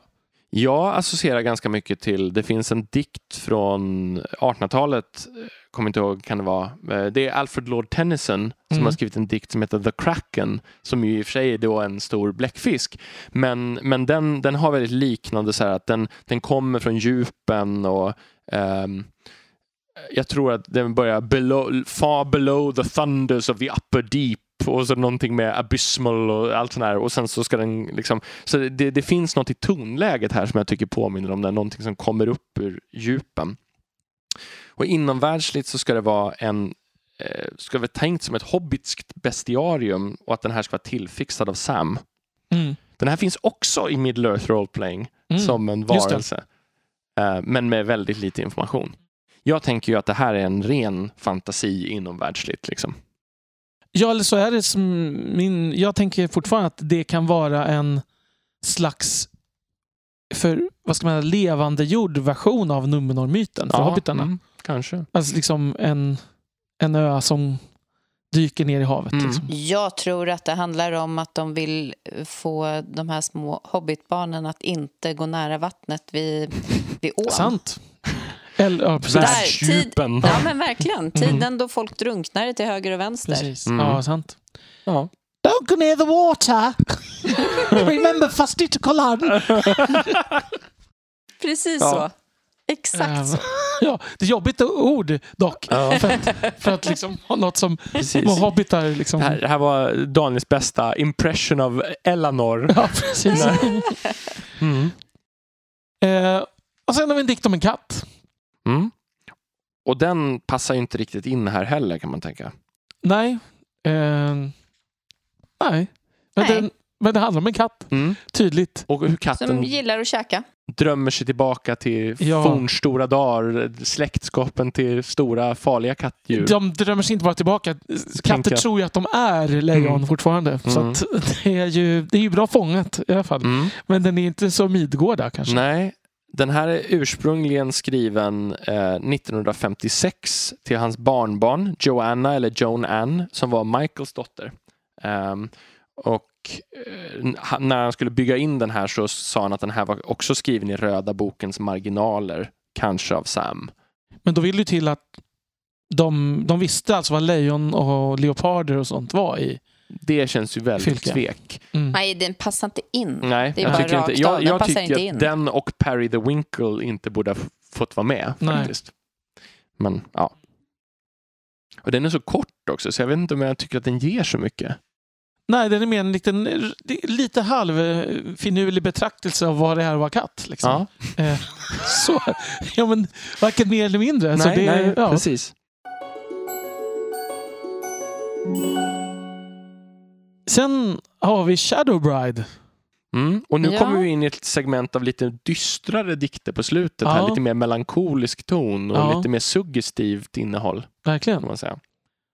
Eh, jag måste säga att den här, ehm, den, den svenska översättningen, Skuggbruden av Ormark Storm, Mm. den har jag faktiskt en gång i tiden gjort en liten tonsättning av. Jaha. En Mm. så här helt a cappella, lite så quasi-folk-melodi-grej. Men jag kanske kan lägga den som ett litet bonusspår på Ja, slutet. jättegärna. Det tycker vi. Ehm. När gjorde du det? Det här måste vara... mm, Jag tror att vi pratar typ 1996-97 någon gång. Sånt där. Oj, så du var runt 20 då? Mm, Mm. Precis. Det var när jag gick på en skola som heter KMI. Eh, Det var mellan gymnasiet och musikhögskolan. Mhm. Eh, Så gick jag på KMI, Kulturskolans musikinstitut. Okej. Och där hade jag komposition bland annat. Och då skrev jag den här lilla Mm. melodin. Vad roligt. Den vill Mm. vi jättegärna höra, tycker Mm, jag. Det Ja, kanske verkligen. hamnar sist i avsnittet. Jag försöker så här, det- här med, alltså det finns ju små glintar i den här eh, som får mig att tänka på Beren och Luthien. Eller Thingolomelian. Ja, ännu mer faktiskt. Mm. Eh, nej men just, just eh, lite det här mötet med, med två, två världar som Mm. Mm. strålar samman Det. Scala Hammond säger att de tycker att det inte är så likt det för att det saknar kärleksaspekten. Liksom att de tycker att den är... Alltså ordvalen är så icke-kärleksfulla. Liksom. Jag tycker inte att den här, jag tycker inte den här passar in alls egentligen. Jag, jag ser framför, framför mig liksom lite gotisk Ja, skräckberättelse här. precis. Det här känns Mm. här Edgar Allan Poe Ja, eller något åt verkligen. det hållet. Jag tycker väldigt mycket om den. Mm. Eh, Bevisligen då eftersom jag gjorde en, Mm. en, eh, en tonsättning. Men, det, men den, den känns inte alls... Vem, vem berättar den här? Säger tolken det? Vem har... Nej, men det, den nämns också bara som en av de här marginaldikterna. Eh, dikterna då. Och, och den känns ju inte alls likadan i ton som de andra som då ska ha varit klottrade i marginalerna i röda boken. Så jag tycker inte den passar där alls. Nej, nej, det är ju en spökhistoria, ja. tänker jag. Och den känns Eh, inte hobbitsk. Nej. Ehm, den här har också funnits i en tidigare version förstås. Ehm, den är kanske skriven den här tidigare versionen tidigt 30-tal och den eh, hette The Shadow Man och gavs ut i det tolfte årliga utgåvan Annual från Our Ladies School 1936 Mhm. eh, vad det nu var. Ehm, men eh, här kan jag, min association som jag fick när jag läste den den här gången och som jag också upptäckte att Scala Hammond hade gjort när jag kom till kommentardelarna är att det påminner mig lite om Persefone i grekisk mytologi. Mm. Precis, eh, det här att hon, hon ibland får slippa ut Mm. och i den Mm. äldre versionen, så, åtminstone, jag minns inte hur det är om det är kvar, så är det så att de, är, de lever in a hill. Och eh, i keltisk mytologi, om man ska göra någon koppling mellan det keltiska och det grekiska här, då eh, beskrivs underjorden och the other world väldigt ofta som inne i kullen. Så, så det är som att han gör någon sorts liksom, keltisk tolkning av Persefone-myten och sen med andra inslag också. Men man får också, apropå Hades, kopplingen till de här, för det är ju som att han är ju fastfrusen där. Jag tänker på de här stolarna som eh, Teseus och hans vän fastnar i Mm. när de är nere i dödsriket. Ja. Och Det är Herakles som kommer förbi och sliter loss Teseus. Mm. Liksom.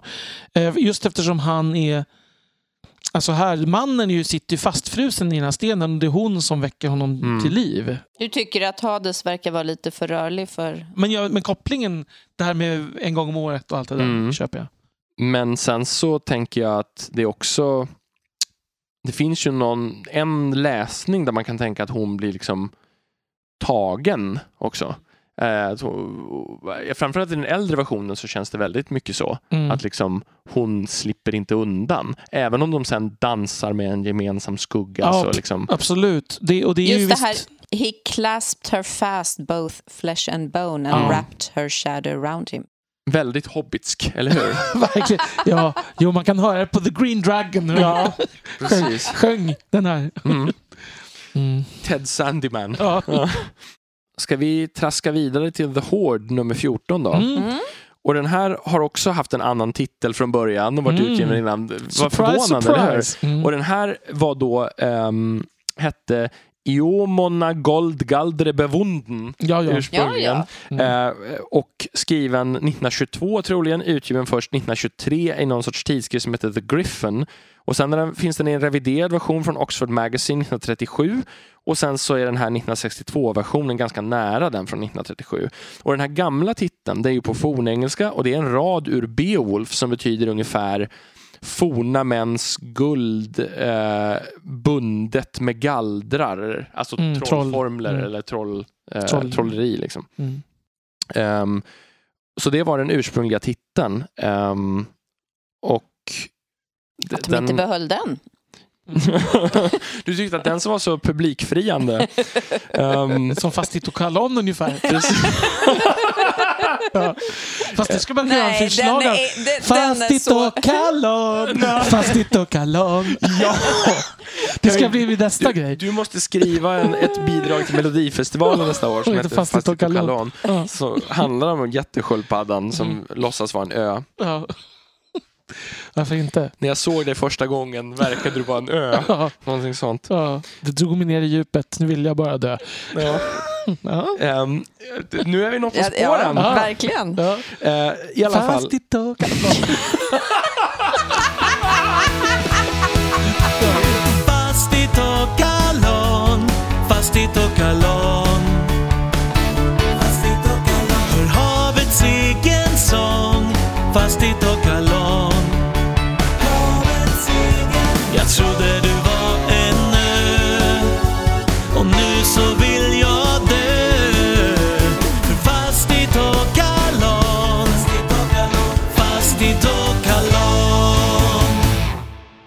Eller så gör man en slag av The Horde kanske. Ja, precis. Ehm. Ehm, det här, den här nämns också, vad heter det, eh, den nämns också i ett brev eh, i Letters. Det här till Eileen Elgar, samma som tidigare då.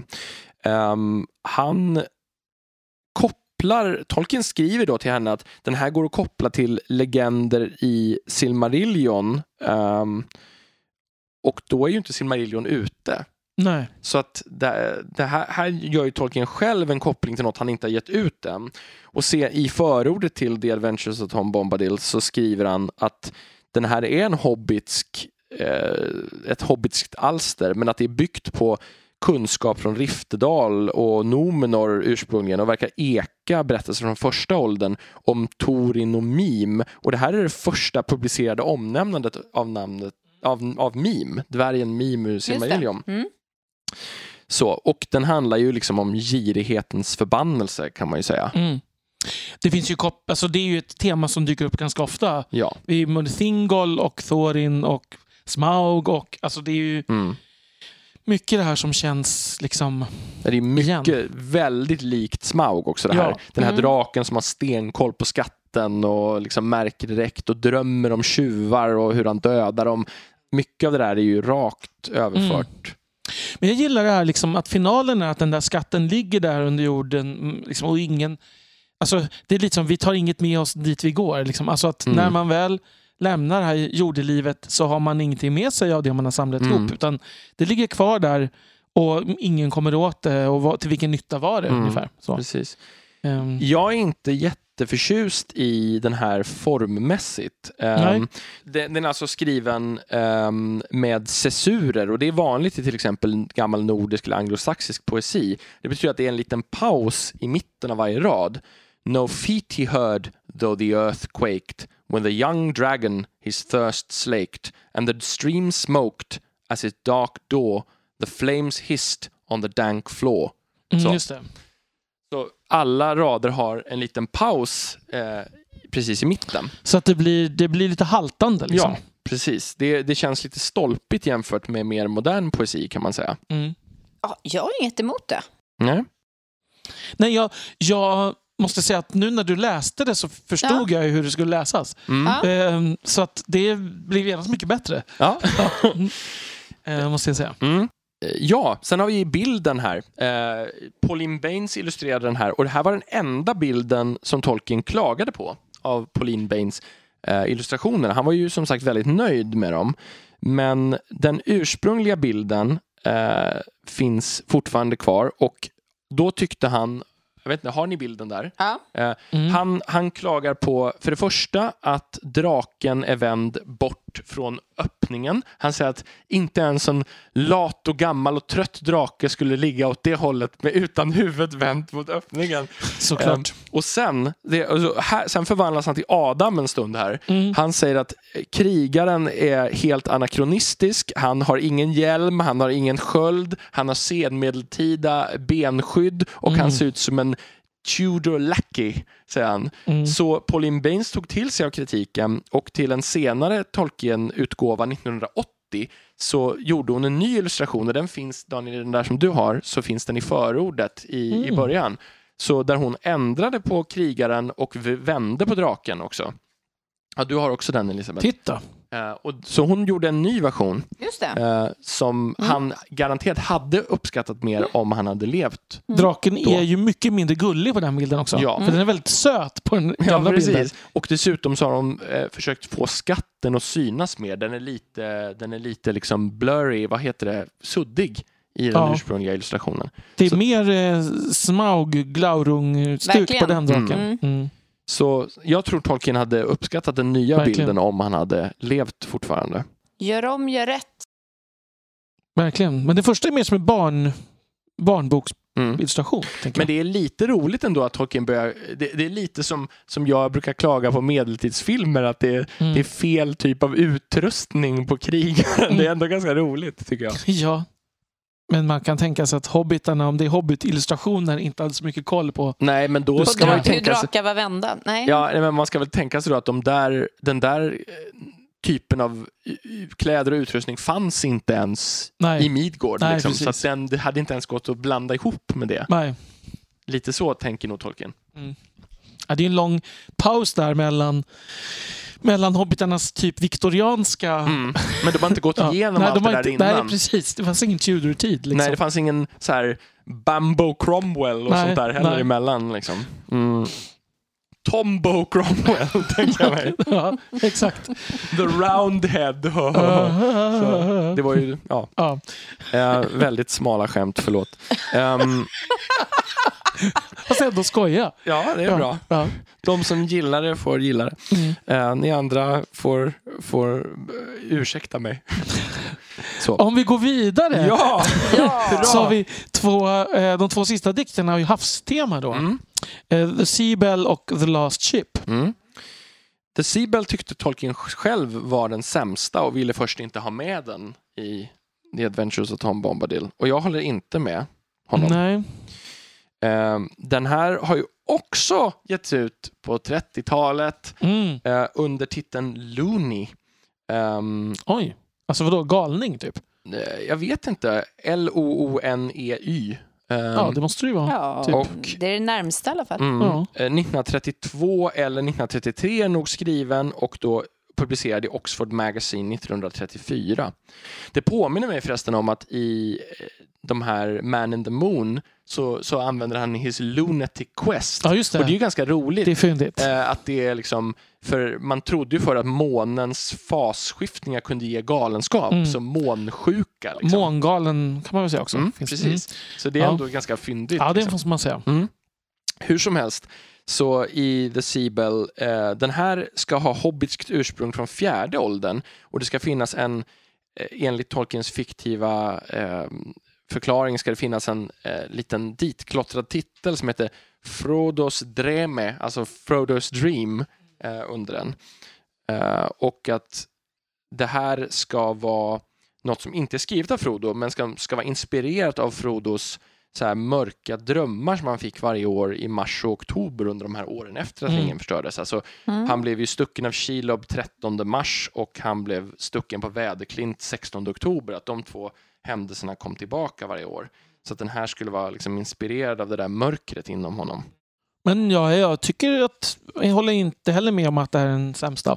Nej. Eh, den är också lite där att jag tycker liksom innehållet är bättre än, än strukturen på Ja, något den sätt. formen. Mm. Eh, Ja. Men jag gillar det vemodiga och liksom Mm. Det är, liksom, det är någonting med det här förgängliga. Alltså, Tolkien tyckte själv att den var för vag och för subjektiv. Eh, Mm. Men W.H. Auden eh, tyckte att den var jättebra senare och som han ju kände. eh, Ja, det är ju en, kanske är en modernare liksom, touch då, just vag och subjektiv. mm. Ehm, Precis. Men däremot så tycker jag att det finns en väldigt tydlig så här mytisk, nästan lite keltisk ton. Det här att han är huvudpersonen är i en, någon sorts otherworld i ett år och en dag men åldras jättemycket och eh, när han kommer tillbaka så talar ingen med honom och det kan man fråga sig om det är så här Finns han fortfarande på riktigt? Mm. Sista raden antyder ju att liksom ingen tilltalar honom längre. mm. Ja, just det. Han har blivit en Ja, vålnad. har han verkligen kommit Mm. tillbaka på riktigt eller är det bara att han... ehm, och, och sen är det den anledningen till att det här händer är att han i högmod eh, beordrar de här gömda eh, lite alviska män, personerna som finns på den här platsen att komma fram och de är lite utom räckhåll. Och då händer allt det här honom, mörkret faller och det får, får en ju associera lite till det här, liksom, den här skogsscenen i The Hobbit när de liksom jagar lägereldarna och mörkret faller och de tappar bort Mm. sig. Och det är liksom det farliga fairy på något Mm. sätt. Jag får också, det kom en jättekonstig association, men jag får så här vibbar av Shutter Island. Jaha, Alltså det är något med det här kul. havs... Det, sjö, det havsnära och det är liksom dimhöljt och, och det här, vad ska man säga, någon, just det här du var inne på med, man vet inte riktigt vad sanningen är och sådär. Verklighet och Nej, ja, precis. fantasi. Ja. Det är Mm. kanske en konstig association jag har Nej. fått någonsin. Nej, men det, var, det var ju intressant tyckte jag. det är något med, med atmosfären. Liksom. Mm. Mm. Jag tycker tanken att det är byggt på en dröm känns väl väldigt rimlig. Mm. Den här känns mer ut, som att den hör hemma i, i bygget än Mm. en del av de andra. Det tycker jag också. Mm. Eh, och jag tycker också The Horde, som vi precis hade innan, också funkar på, i den formen. Liksom. Som en traderad sagoversion av någonting man har, liksom, som har hänt kanske.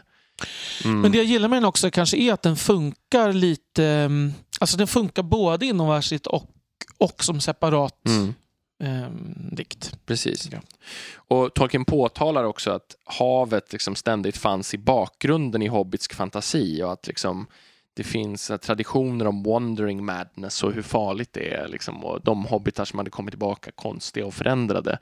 Så att, det, att de här temana skulle gå att knyta till det. Mm. Och det finns någon gammal dikt som, eh, som har liknande teman som kom från 20-talet som heter Ides Elfskyne som handlar om en pojke som upplever något liknande så här. Som kan vara någon tidig version. Liksom. Mm. Och nu har vi nått den sista. Mm. Mm. Det sista skeppet. Ja, Mm. The Last Ship. Ehm, och är det en överraskning om jag säger att den ursprungligen publicerades på 30-talet? Nej, va? Är det Mm. sant? Precis. Jag är jätteöverraskad. Den hette då Firiel, som huvudpersonen då heter. Mm. Och ehm, publicerades 1934 i The Chronicle of the Convents of the Sacred Heart som var en katolsk nunneorden som Tolkien hade nära relationer till. Priscilla brukade gå på så här barnfest, sommarfester som de arrangerade och Mm. Tolkien brukade stå för underhållningen på olika grejer som den här nunneorden arrangerade. Vad gjorde han då? Jag reciterade dikter Ja, eller jag något tänkte sånt alltså där. enmansorkester med så här bastrummor och cymbaler. Och, Han höll i lekarna. ja, lekar. Just Kanske. det, så här med, man har så här sked. Det är i och för sig, kan jag i och för sig så här säcklöpning sånt kan jag tänka mig att han Ja, älskade. det känns som en Tolkiens Ja, grej. Ja, Eller så, här, eller så här, skjuta svarta pilen. ja, ja, exakt. Ja. Nej, jag vet inte. Men, men så var det i alla fall. Och de hade alltså någon typ av liten tidning eller tidskrift och där publicerades den här. Mm. Um, inomvärldsligt så är den här tänkt att ha gondoranskt ursprung men det här ska kanske vara en viss hobbitsk omarbetning och att den har nått den här boken eh, via Bilbo som har plockat upp den i Riftedal. Mm. Så. Men den här känns ju väldigt Midgårda. Ja, Extremt Midgård. verkligen. Mm. Det är ju skönt att det blir en sån final. Mm. Mm. Och den, jag, tycker den är, jag tycker väldigt mycket om den här Mm, faktiskt. Jag mm, tycker att mm. den är bra. Den har ju det här vemodet. Mm. Alviska, alverna försvinner, sagovärldens slut, sagotidens slut.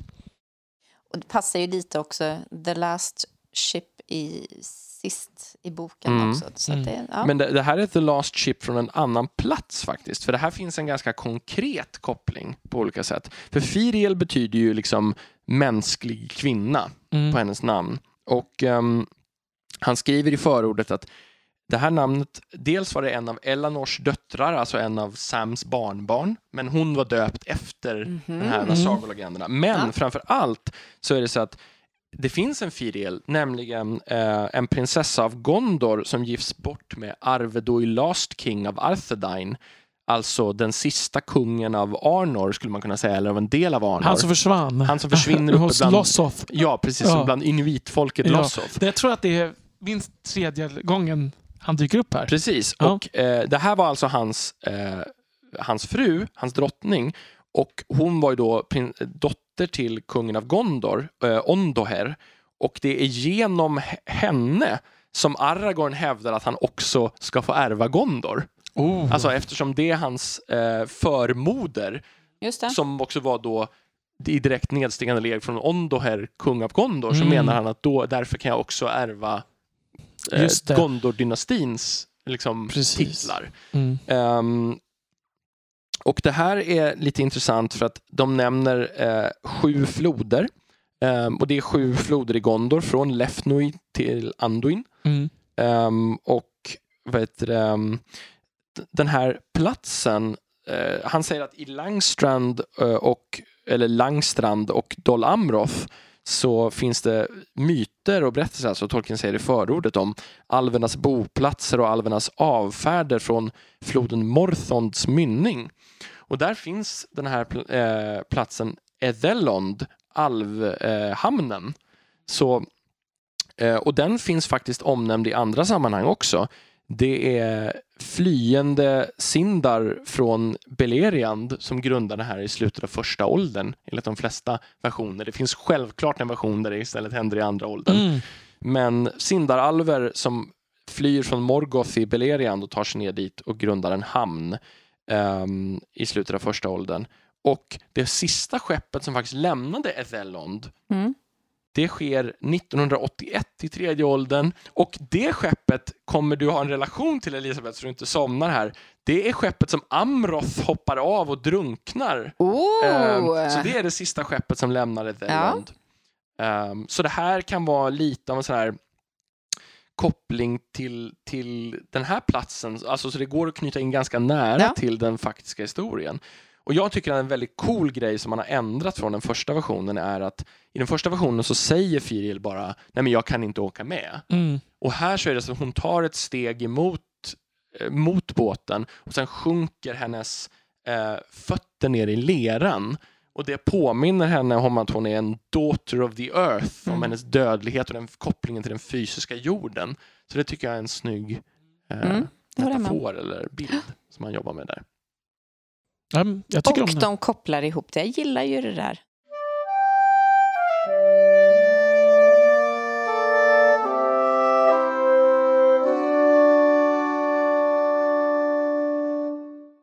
Sen så är det faktiskt så att i den här kommenterade versionen så, så tar de upp lite kort att det finns eh, eh, två andra liksom, nära knutna dikter, som, eller små stycken som liksom skulle ha kunnat komma med på något sätt.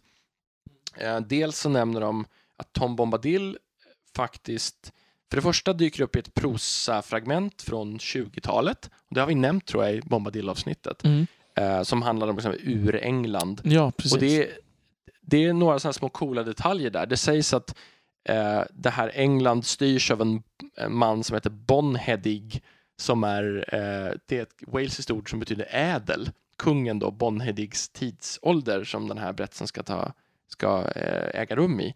Och eh, han säger också att redan vid den här tiden så hade det blivit in- invaderat av Euskadi och det är roligt, det är baskerna. Mm. Eh, och att av blonda män med järnsvärd som kom över platsen där havet var som smalast och det är väl liksom eh, antingen keltiska eller eh, germanska invasioner över kanalen. Liksom.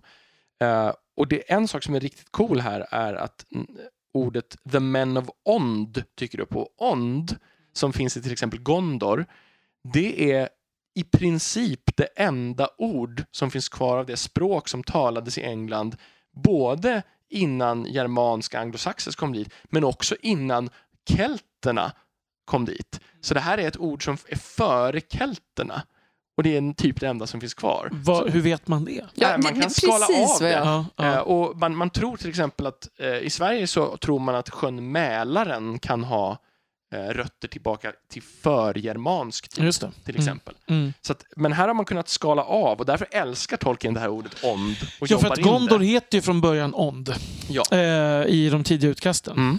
Mm. Så det, men det är därför han tycker det är så coolt Mm, tror jag. mm. För att det är liksom en, den sista tonklangen från, en helt, från ett helt försvunnet folk. Och som filolog Det så är ju förstår man. otroligt, det är otroligt coolt. Ja, det är det verkligen. Det är, Elisabeth tycker inte att det är lika coolt ser jag på hennes ansiktsuttryck här. Nej, men jag, sitter, jag sitter och funderar lite på varför man då plockar bort och ändrar det till Gondor. Ja, han kunde hetat Ondor istället. Hade nog funkat också. Och som en liten avslutning kan vi kanske ta också att eh, Tom Bombadil dyker upp en gång till faktiskt, innan Tolkien dör. Eh, 1965 så skriver Tolkien en liten dikt som heter Once upon a time som publiceras i en eh, heter det, diktbok för barn som heter Winters, Winters Tales for Children 1. Mm. Ehm, och han verkar ha skrivit den här dikten någon gång mm, vet du, efter 1962, alltså efter att The Adventures of Tom Bombadil kom ut. Och den här släpps då 1965. Ehm, och det är en naturskildring till stor del med Tom och Goldberry. Okej. Eh, väl, väldigt mycket naturbilder. Eh, och den har vissa likheter med en tidigare dikt han har skrivit från 1924 som heter An evening in Tavrobel. Och Tavrobel är ju hans gamla namn Mm. på alvernas land. Och eh, de nämner eh, i det nämns några små varelser här som heter lintips eh, som ingen vet vad det är. Mm. Som han tar upp i, i, i, vad heter det, i Once upon a time. Och därför, men vissa tror att på grund av den här gamla angivningen Tavrobel där det fin- verkar finnas några små naturväsen med så tror man att det skulle kunna vara några sådana. Att han tänker att det är några små andeväsen. Och ordet lint betyder också snabb eller vad heter det? quick, clever, nimble. Så, Mm. så att det skulle kunna vara någon liten sån grej. Ehm, så Mm. där, det är sista gången som de figurerar, Tom och Goldberry. Han, han, han klurar några år däremellan. Mm. Och Mm. där heter inte, här, där står det bara Tom igen, men i och med att Goldberry är med och i och med Mm. att bilderna är så tydliga så är det uppenbart Mm. att det är Bombadil Mm. som åsyftas. Men det fattar kanske inte barnen som läste Winter's Tales for Children. Men vi ska göra en slags liten sammanfattning av den här lilla boken. Mm. Ehm, vi har ju pratat längre om den än tar det att läsa nu. Ja, det är så här. Eh, det finns, fanns otroligt mycket mer att säga om det än vad man kan tro. Och, den, ehm, och Jag tycker att det jag, fick, jag uppskattar det nästan mer nu efter vår diskussion än jag gjorde innan. Mm. måste jag säga. Jag uppskattar den mycket mer efter att ha läst på Mm. än jag har gjort innan. Mm. Men, men problemet tycker jag fortfarande är lite... Alltså problemet kan vara för första att den känns ju lite spretig, vilket är okej. Eh, men att ibland att utförandet inte är liksom... Det är inte hans bästa dikter tycker jag, så om man ska bara... Nej. Det finns bättre dikter. Mm. Ehm, Problemet tycker jag, för jag tycker att några av dem verkligen håller att lyssna till. Att det Mm, blir mm. en väldigt eh, ja, men härlig upplevelse när man lyssnar till den. Mm. Men sen så, om man inte sitter och läser samtidigt eller sådär, Mm. så, så kan det vara skiftande kvalitet. Så att nästa gång, två minuter senare, så har vi hamnat i någonting som inte alls känns lika nej, sådär tilltalande just i, den i det formatet. nej. Mm. Jag tycker, precis som du sa tidigare Daniel också, att den, eh, och, och som du egentligen har sagt flera gånger Elisabeth, att den är mest intressant som någon sorts, så här, lite som man tänker att Robinson Crusoe låtsas vara en, en riktig berättelse från någon som blir skeppsbruten på det sätt Mm. som Tolkien ofta Mm. gör. Liksom att Mm. den, den, den känns mest intressant som ett fake-historiskt dokument. Ja. Liksom. Och hur den bygger ut mm, Midgårdsmytoset. Mm. Men, och det är kanske det som, ja, och det håller jag med om, och det är kanske det som gör att det inte riktigt håller 100%. För jag tycker att de Mm. bästa av dikterna i Lord of the Rings håller som dikter, alltså som, som blir all, alltså allmängiltiga. Jag tycker till exempel de här, i sin enkelhet, till exempel I sit beside the fire, Mm. som är en så här tillbakablick när en gammal människa ser tillbaka på sitt liv och väntar på döden, Mm. blir mer, ironiskt nog, då, eftersom den är med i boken, Ja. så tycker jag ändå att den blir mer att någonting jag kan bära med mig utanför Mm. eh, mytoset. Liksom. Ja. Och även till exempel The Road Goes Ever On and On, liksom, som är mer allmän än många. Men det är som att det är två olika typer av berättande i och för sig. Jag tycker att den enda som fungerar på den nivån för mig här är The Last Ship. Mm.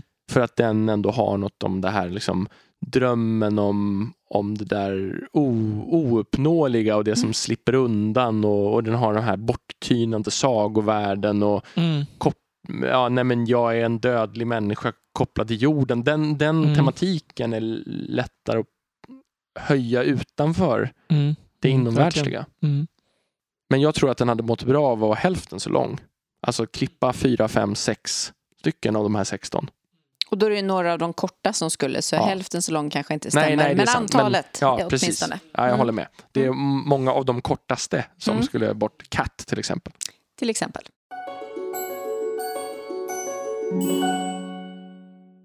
Daniel tänkte ju lägga in sin tonsättning och den kommer vi nog att lägga in efter eh, slutfanfarerna så att säga. Mm. Så häng kvar ända till slutet om ni vill höra, höra den. Eller spola fram. Ja, precis. Eh, det är ju inte jättelångt som man behöver stå det ut är en med vår, minut faktiskt. med vår Ja. fina Ja. outromusik. Exakt. eh, men jag är jättenyfiken så jag ser fram emot att höra den. Ja, Och det var någon som hade uppmärksammat för övrigt att automusiken var lite omarrangerad. Det var vår kära vän eh, Magnus Mm. som hade upptäckt att eh, automusik är omarrangerad. Och det är mycket riktigt sant. Jag har lagt till lite fler stämmor och bytt till lite bättre ljud och sådär. Mm. Så att, Det låter ännu pampigare. ja, ännu pampigare. Lite mer horn. Ja, det är alltid bra. Ja, precis. Kan det vara så att, det var, att de framfördes på kullar i Ja, jag, skulle, ursprungs- jag tror att alla hornisterna stod på varsin kulle.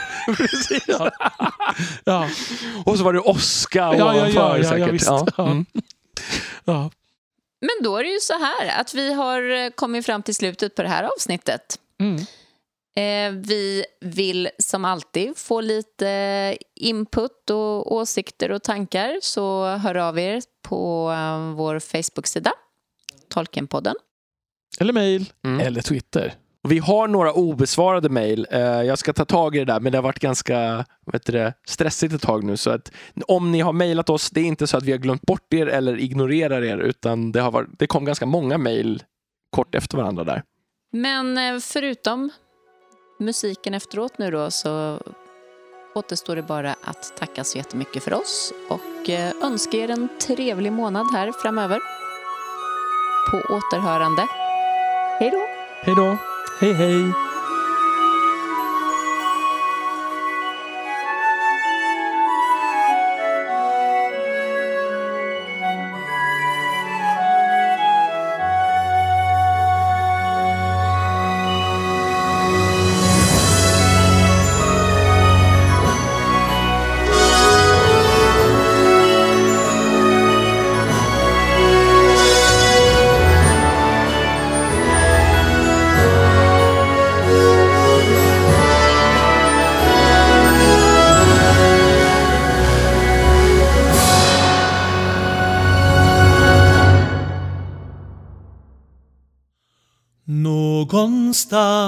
Sitter en man alen medan dygnen förbi honom hastar.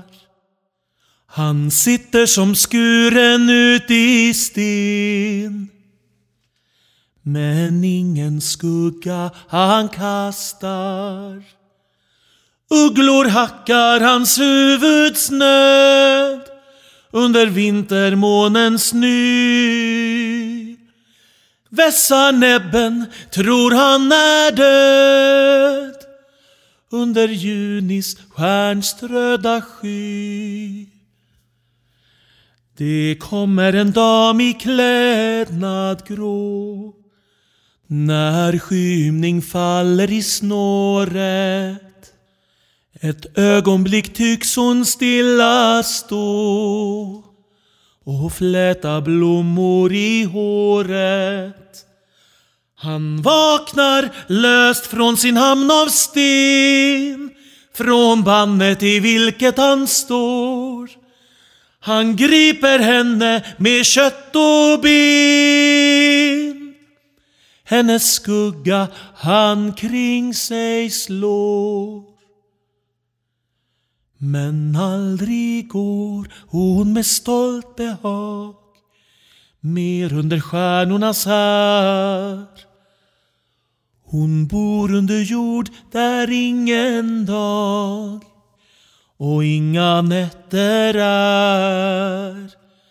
Men en gång vart år öppnas skriftens hus och krafter i natten dugga. Då dansar de in till gryningens ljus och kastar en enda skugga